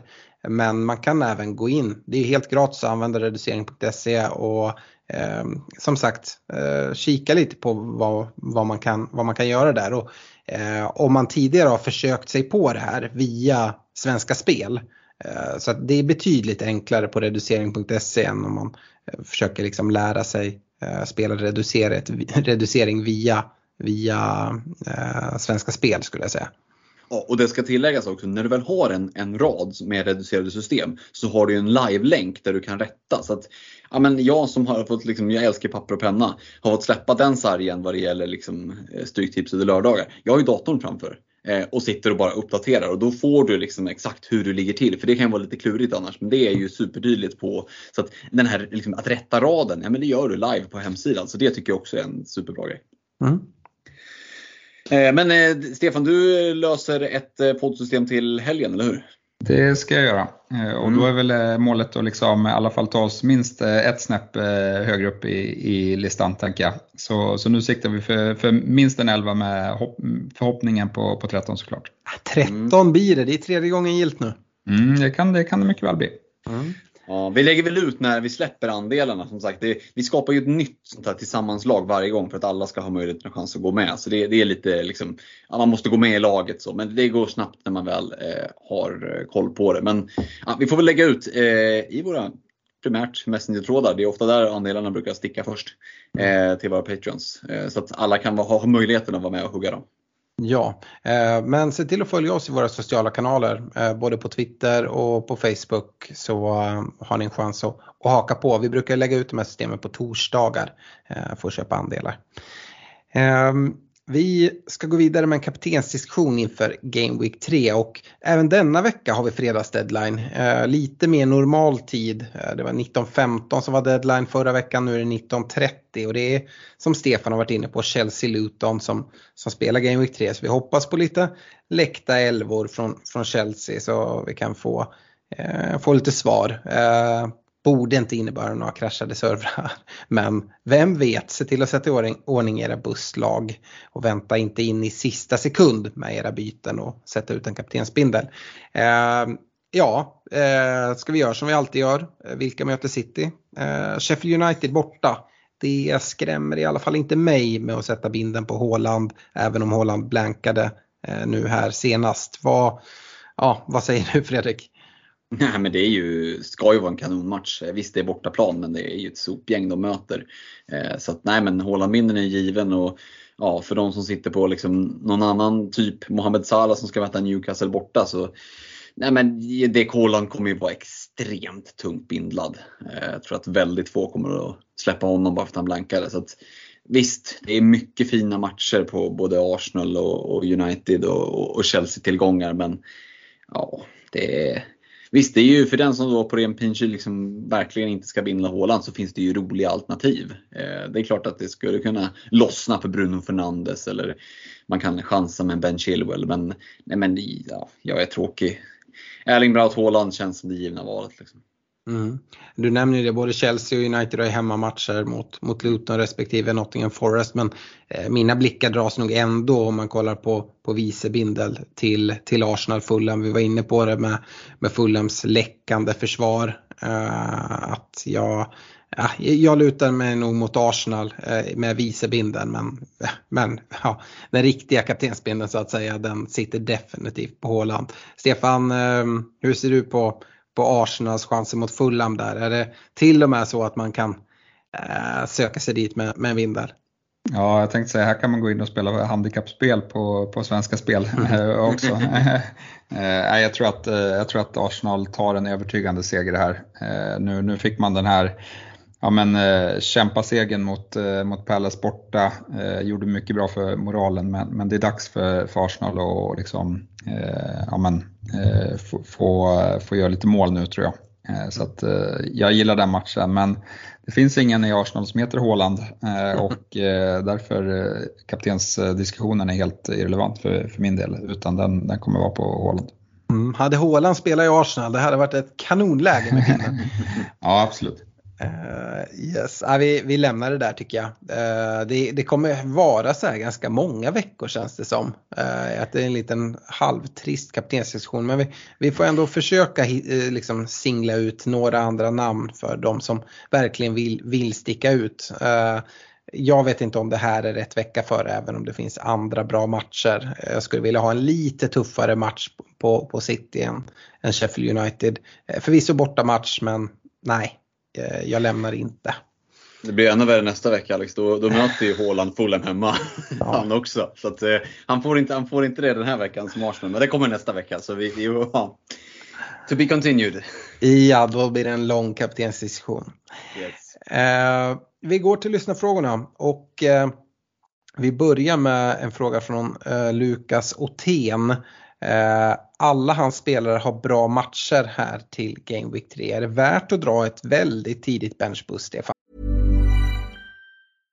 Hiring for your small business? If you're not looking for professionals on LinkedIn, you're looking in the wrong place. That's like looking for your car keys in a fish tank. LinkedIn helps you hire professionals you can't find anywhere else, even those who aren't actively searching for a new job but might be open to the perfect role. In a given month, over 70% of LinkedIn users don't even visit other leading job sites. So start looking in the right place. With LinkedIn, you can hire professionals like a professional. Post your free job on linkedin.com slash people today.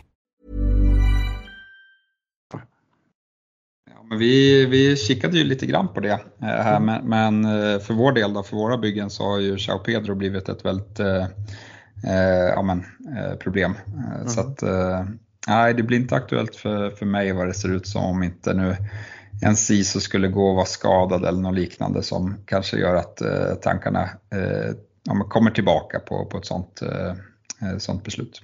Mm, så är det. Ja, en av de sakerna som också är lite emot för mig det är att jag inte riktigt gillar min målvaktsuppsättning Eh, med med Turner borta mot United. Eh, får vi se om United kan få igång målskyttet förvisso. Men också Johnston borta mot, mot Brentford. Eh, ja, ja, förvisso förväntar mig starter från båda målvakterna, vilket är viktigt i, i en benchboost. Men ja, jag gillar inte supermycket och sen så behöver man ju göra byten på bänken.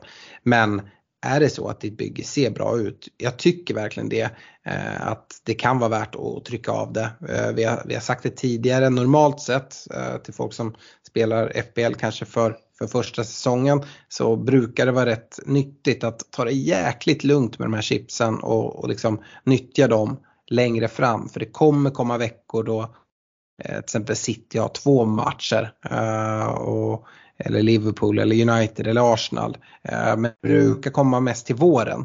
Men just den här säsongen så kommer det vara lite färre Uh, ser det ut som sådana här stora double game weeks där det är flera lag som har dubblar och det är det man söker med, med bench boost. Så det finns absolut en anledning att om man har en vecka då, då liksom både hela laget och bänken ser ut att liksom ha kanonmatch, att bara trycka av det så har man det liksom ur världen. Och det jag menar med det är att Eh, annars så eh, längre fram så kan man lockas av att dra massa minuspoäng för att sätta i ordning ett bra benchboost eller till och med offra sitt wildcard som kanske är det starkaste chippet eh, och liksom eh, lägga massa pengar på, på bänken i ett sånt wildcard och sätta upp det så att man får en kanon benchboost på pappret och så kanske den inte faller helt väl ut och så har man ja, lite ja, men sådana här saker som du kommer behöva offra byten för att göra om laget och inte ha allt för mycket pengar på bänk och sådär. Så att eh, jag säger om, om du har nu eh, som du själv skriver, eh, liksom att alla mina spelare har bra matcher. Kör bara Lukas. Eh, Fredrik Jens Tors skriver in till oss. Uh, hur ska man tänka med spelare som man har i sitt lag som går ner i pris och likadant med en spelare som går upp i pris. Det är ju väldigt många som håller på och, och jagar priser här. Själv sitter då Jens med Trossard i bygget och vill nog lämna honom. Uh, ska han gå ner till en 6,5 spelare men framförallt hur, hur ska man tänka kring de här priserna? Man kan tänka på olika sätt, men jag tycker att den här säsongen så finns det väldigt mycket värde i ganska billiga spelare. Så att för egen del så ser jag inte så stor anledning till att hålla på och jaga eh, prisförändringar. Eh, det är väl mer ifall man ser sig själv helt låst på ett byte och ser att price-droppen kommer liksom eh, runt hörnet. Då, då kan det ju finnas anledning till att trycka av ett tidigt byte. Men å andra sidan, vad är mest värt? Ja, det är om du sitter på ett byte där du precis har råd att göra det. Men annars kan det nästan vara värt att käka en price drop 01 för att kunna göra bytet sent och se att det inte kommer några tråkiga uppdateringar eller sådär. Så att, ja, det är ju liksom i de lägena man sitter och det är precis på liksom tiondel, tiondels miljonen att, att, det, att det går att göra bytena. Men Nej, jag vet inte. Eh, jag tycker så som upplägget är nu med, med att det finns mycket liksom billiga backar, billiga anfallare, mid-price mittfältare som man vill gå till pengar är fan inget problem för min för egen del. Ehm, så att eh, jag bortser från price dropsen helt. När det kommer till prishöjningar, så liksom, då är det mer att det är mer att jag bygger en buffert. Ta på en sån som jag nämnde, Mitoma där. Eh, gått upp till 6,6, kan han kliva upp till 6,7 då har vi köpt oss bra med liksom buffert om det skulle vara så att det börjar blankas en del och spelschemat tuffare för då kommer ju en del att lämna. Så det är mer så jag ser det. Eh, ja, det, det är ju värre när det liksom är så här supertight om, om stålar. Jag tycker inte att det är så den här säsongen. Nej, jag tycker också att det är värt att nämna också för spelare som är kanske nya eh, och inte har spelat i FBL tidigare att eh, de här prisförändringarna hur de fungerar. Till exempel Joao Pedro, han har gått upp 0,1 i pris. Nu ser han ut att gå ner eh, men för att du ska kunna få ta del av en höjning så måste han gå upp 0,2 för att du, du får ta del av hälften av det. Så kostar han då eh, 5,5 eh, och han går upp till 5,6. Ja, men då om du säljer honom får du fortfarande 5,5. Går han däremot upp ytterligare ett till 5,7 och du säljer honom, då får du 5,6. Det fina med det i det här läget det är att man inte behöver göra ett tidigt byte på Joao Pedro om han ser ut att gå ner nu här. Eh, utan om du hade han från start, tog in han för 5,5 och han går ner till 5,5 så kommer du fortfarande få samma pengar som om du skulle sälja honom tidigt. Så det är värt att tänka på. Och eh, här eh, skulle jag säga, det är inte jätteenkelt att veta men eh, om man går in på transfers på, på FBL-sidan så kan man välja pitch, view eller list. Det står precis ovanför dina målvakter när du är inne på transferfliken. Trycker du på list, då kan du se vad du har köpt din spelare för och vad du kan sälja honom för. Ehm, nu i början så är det ju ganska enkelt att hålla koll på det här men när du är inne mitt i säsong så ja, men hade, jag, hade jag den här spelaren från Game Week 1 eller plockade jag in honom och vad var hans värde då? Då kan man hålla lite koll på om en liksom, price change verkligen påverkar dig. Ehm, så det, det är ett tips om ni inte eh, redan kände till det. Eh, Stefan, eh, kan vi skjuta in där? Jens är ju inne på det. Han sitter med Trossard i bygget och vill lämna honom. Det är väl ett perfekt läge att gå ner till någon 6,5 spelare. Vi har pratat om både Mboemo, Esse eh, och Mitoma finns ju där också. Ja, jag tycker det. det. Det är svårt att veta vad, vad Trossard ska göra för att eh, slå sig in i, i Arsenal-elvan. Eh, som sagt, han har inte fått många, många chanser. Eh, så, och Enketia har gjort det bra så det, det är väl svårt att se att han ska, ska petas från, från strikerplatsen där eh, mm. också. Yes. Eh, vi har fått lite frågor om City. Eh, Daniel Hedlund undrar om Foden är given. Jag tänker på Peps roterande oavsett insatser. Eh, och det är väl det, att det är ingen som är given i, i City. Men jag tror ju att hans chanser på, på kort sikt bör vara goda. Ehm, och det är därför vi, vi alla tre rekar honom som, som vår mittfältsrek. Ehm, och även Sebastian Granat Lövdal är inne på samma sak, att City har ett har väldigt bra spelschema. Eh, undrar vem man ska komplettera Håland med, eh, om det är Foden eller Alvarez. Och det tycker jag snarare är en fråga hur, hur ens lag ser ut i övrigt.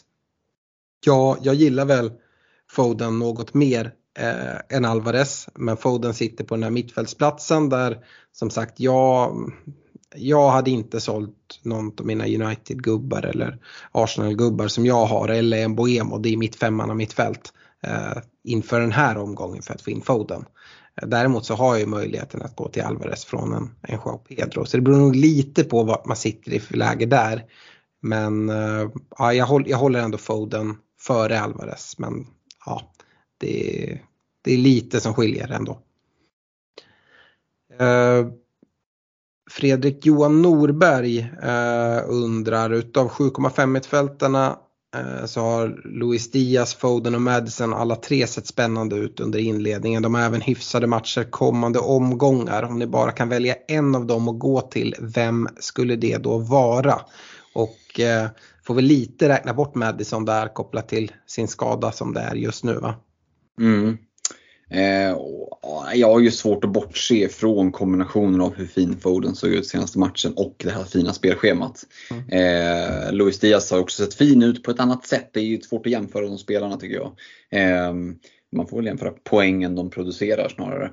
Eh, men, men har ju tuffare schema Liverpool. Eh, sen ser de ju frejdiga ut offensivt. Jag tycker både Diaz och Foden förtjänar omnämnanden men nej, eh, jag förstår att man blickar mot Phil Foden och jag håller väl ändå honom högst i, i, i den skaran. Mm. Eh, Stefan Olle Asp, eh, många kommer gå på Jackson men är Enketia ett alternativ för de som sitter med Pedro och inte har några pengar på banken? Eh, känns som man får starta för Trossard och Fulham läckte senast och det finns bara ett by gratisbyte tillgängligt. Eh, ja, nej, jag tycker inte det. Hans Enkatias plats känns långt ifrån eh, säker. Eh, sen vet vi inte hur länge eh, Jesus blir borta. Det snackades ju om, om eh, tre veckor när, när han eh, eh, ja, men drog på sig skadan. Så att, nej, jag hade inte gått till, till Enkatia faktiskt. Eh, då tycker jag Jackson känns hetare. Mm.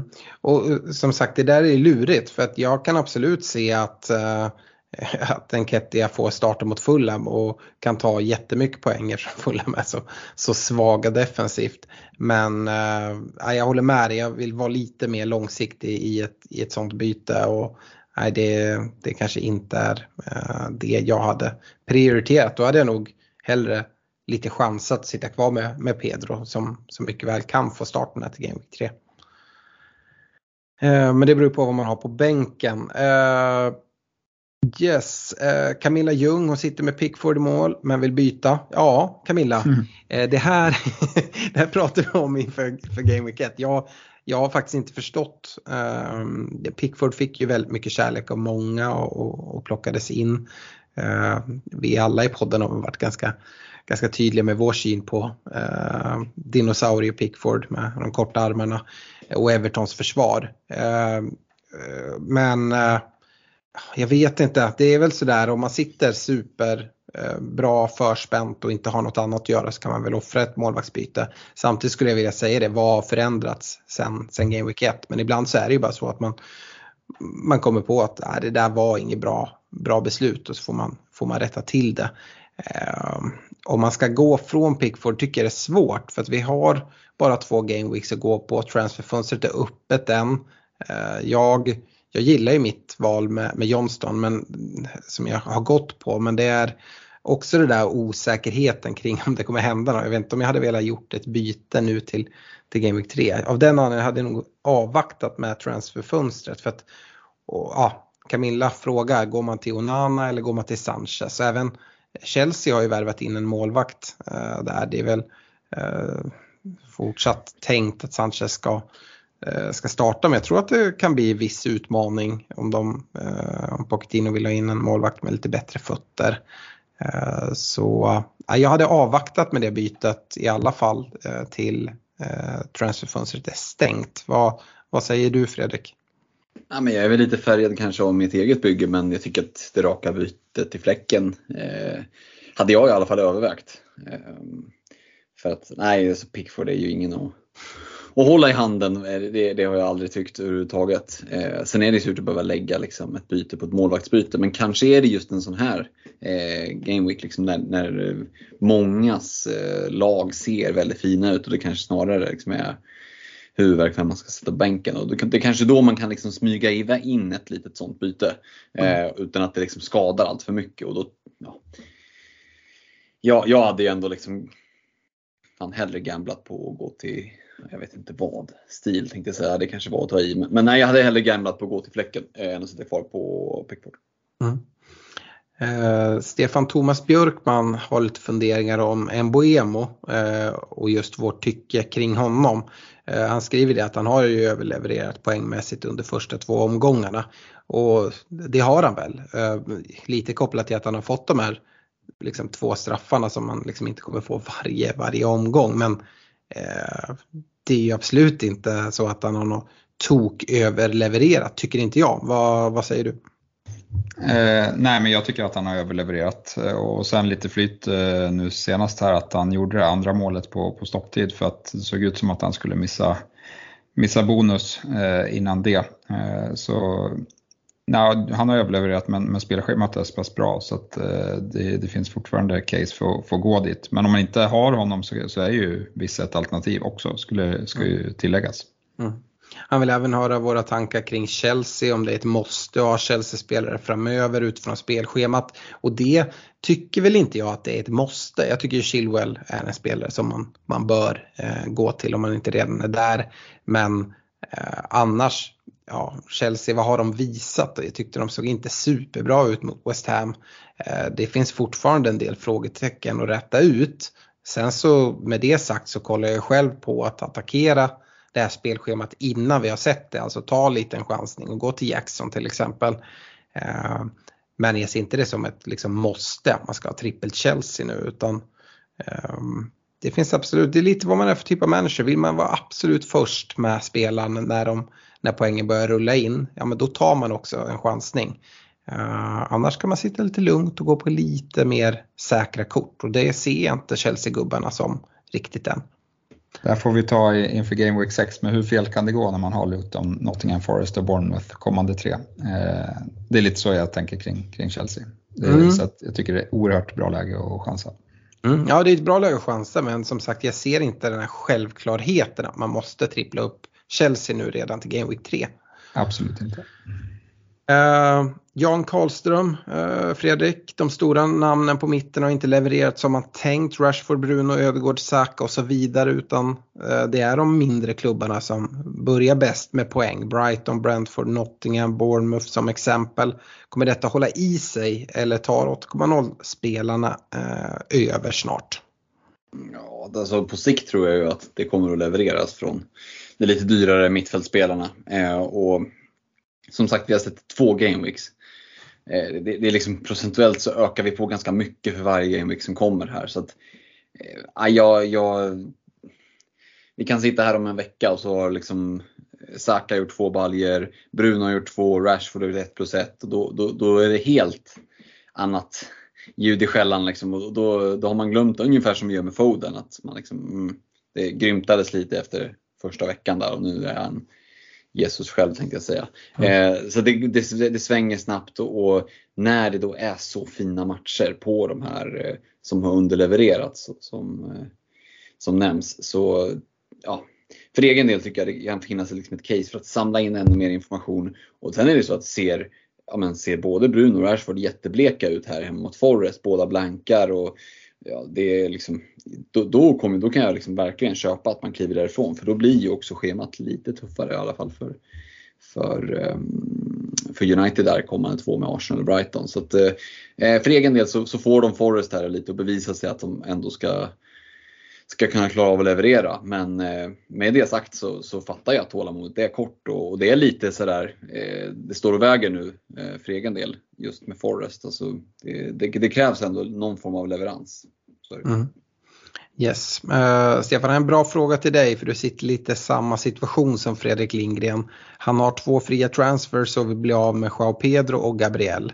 Är det värt att göra båda bytena även om jag sannolikt kommer bänka en av de spelarna jag tar in? Eller är det bättre att välja en av dem och byta, svälja price drop på den andra för att således rulla en free transfer och ha två fria till Game Week 4? Ja, nej, men jag har ju exakt samma dilemma. Eh, jag har väl varit ganska inne på att jag ska undvika price drops, men jag tror att jag börjar svänga mer och mer till att, eh, till att spara för att de här bytena inför Game Week 4, eh, de kommer kännas jäkligt fina att ha, tror jag. Lite beroende på just med, ja men eftersom jag har så många som, som möter varandra där i, i Arsenal och United. Du sitter ju också, precis som mig, med Johnston i mål som, där, som där hans position kan bli osäker. Ja, exakt. Det, det gör jag ju. Eh, och, och liksom, det är, jag utslut, blir, det, blir det så att det blir för många problem då, då utesluter jag inte ett tidigt wildcard. Men jag, jag hade gärna hållit på det eh, lite, lite längre faktiskt. Mm. Ehm, Nicolas Myrén har en jättelång fråga, jag ska försöka koka ner den lite. Han har tre stora bekymmer just nu. Det är Pickford i mål, Gabriel i backlinjen och Rashford på mittfältet. Ehm, ja, ehm, hur tänker vi kring prioritet eh, på byten här? Målvakt, backlinje, mittfält. Vi har väl redan varit inne på att eh, Rashford inte är panik inför den här gameweeken. Annars är det en plats som jag skulle prioritera eh, mycket på grund av att det finns så många andra spelare att gå till eh, där. Eh, och Gabriel, Pickford, jag hade nog, mm, alltså för den här gameweeken har man två fria transfers, ja, men då kanske jag hade gjort ett byte på, på målvakten för att jag, jag gillar inte alls Pickford. Eh, Gabriel tror jag kommer starta och Rashford kommer starta och båda de har bra matcher. Eh, men annars tycker jag Gabriel är en liksom prioriterad spelare att plocka ut på lite sikt. Det är ingen spelare man, man kommer vilja ha, tror jag. Eh, Fredrik, hur, hur prioriterar du de här spelarna och liksom eh, bekymren som, som Nikolas har? Ja, men just den här veckan så tycker jag kanske inte att det är några liksom majbrasor på någon av de här tre utan det är nog små liksom korvgrillningseldar på sin höjd. Eh, för är det någon match som till och med Jordan Pickford ska kunna hålla nollan i så kanske det är Wolves hemma. Eh, det, det, är liksom, slutar den matchen 0-0 så är det väl ingen som är förvånad. Eh, så att, jag tycker liksom inte att det är brinner, jag menar Rashford, du kan sitta lugn. Gabriel, det är lite hur man själv vill göra då. Men, men alltså, vi var inne på det, de ska möta ett sopigt försvar. Han är nickstark. Uff, jag vet fan om man vågar gå därifrån alltså. Eh, så att, nöja sig med att göra ett byte, absolut. Eh, jag landar nu i att jag hade kanske switchat målvakt eh, ändå. Utav mm. de tre. Yes. Nu har ju inte Arsenal någon som, som kan spela på, på den vänsterbackspositionen heller i den här matchen. Så att eh, det, det, allt tyder ju på att det blir Sinchenko eh, där och sen att Gabriel Saliba och White är de övriga tre i backlinjen. Mm. Eh, vi har fått en drös frågor om Gabriel. Jag tycker vi har svarat på det mesta där kring. Det är väl ingen superbrådska att byta ut den här just till Game Week 3 men uh, ja, det beror på hur ens lag ser ut och har man ett byte över kan man absolut göra det redan nu. Uh, Fredrik, det här är en perfekt fråga för dig, eh, tror jag. eller jag tror att du gillar den. Eh, Joakim Borén, efter att ha haft Mboemo i alla drafts sen spelet släpptes så bytte jag till Esse precis innan första deadline då jag såg en reggskylt med just Esse. Eh, detta har jag fått ångra. Är det värt att byta Esse mot Mboemo inför Game Week 3 eller ska jag stå mitt kast och stanna kvar vid mitt reggskyddsval? Ja, det, det är, för det första så tycker jag lite synd om New York för att den swingen som har varit däremellan är kanske inte 100% befogad om man ser till hur, hur liksom, poängfördelningen eh, så eh, ser det ut. Sen är det ju så man, man tar, kan förtjäna de poäng man har. Så är det ju. Men, men äh, jag lider lite med dig. Äh, nu ska de ju möta varandra här äh, i, i Game Week 3. Så att det, ja. Det, det, det är väl inget fel i att göra det raka bytet tycker inte jag om man nu kan göra det. Ehm, men jag har liksom också full förståelse för om man väljer att hålla kvar vid det. Eh, tycker S har sett bra ut. Han ser väldigt självklar ut. Han tar ju oerhört mycket plats i laget och det såg man senast mot Arsenal. Han var ju överallt och hämtade boll och sådär. Men eh, jag håller samtidigt Brentford som ett betydligt bättre lag. Eh, eller betydligt, men det är ett bättre lag än vad Palace är. Eh, så att jag hade någonstans ändå lockats av att göra eh, det sidledsbytet. Sen kan det slå fel, Esse kan komma ifrån en massa poäng. Men jag tycker att eh, Mbuemo är är, är liksom ett så pass bra val att i, för egen del hade jag nog kunnat motivera det att göra det ändå och bara käka att det, det inte föll väl ut. Det hade på kanske inte sett, kunnat sett helt annorlunda ut eller motsatt ut men Esse hade kunnat komma ifrån med poäng. Nu gjorde han inte det. Ja, shit happens. Jag hade nog bara gjort bytet rakt av. Mm. Vi tar en sista fråga från Patrik Fagrell och den får gå till dig Stefan. Är det för tidigt att gå på James Ward-Prowse? Ska man vänta till Game Week 7-9 där när spelschemat lättar? Känns lite som att han skulle kunna bli en talisman i detta West Ham. Jag tycker att det är för tidigt. Eh, det är liksom Brighton, City, Liverpool, tre utav de fyra kommande. Eh, så att jag hade väntat faktiskt. Men, men inledande, eh, det han visade upp var ju såklart bra två assist direkt och ja, men, eh, slår, slår mycket fasta och det visste vi ju. Sen, sen eh, nyper han straffarna på det då, då eh, kommer han vara en talisman. Det tror jag. Yes, och med det så tackar vi för att ni har lyssnat även denna vecka. Vi fortsätter väl prata om att ha lite tålamod med era val. Ni har gjort arbetet bakom förhoppningsvis när ni valde ert bygge och ge spelarna chanserna i Game Week 3. Stort lycka till så hörs vi igen nästa vecka. Hej då! Ha det bra! Ha det gott, ciao!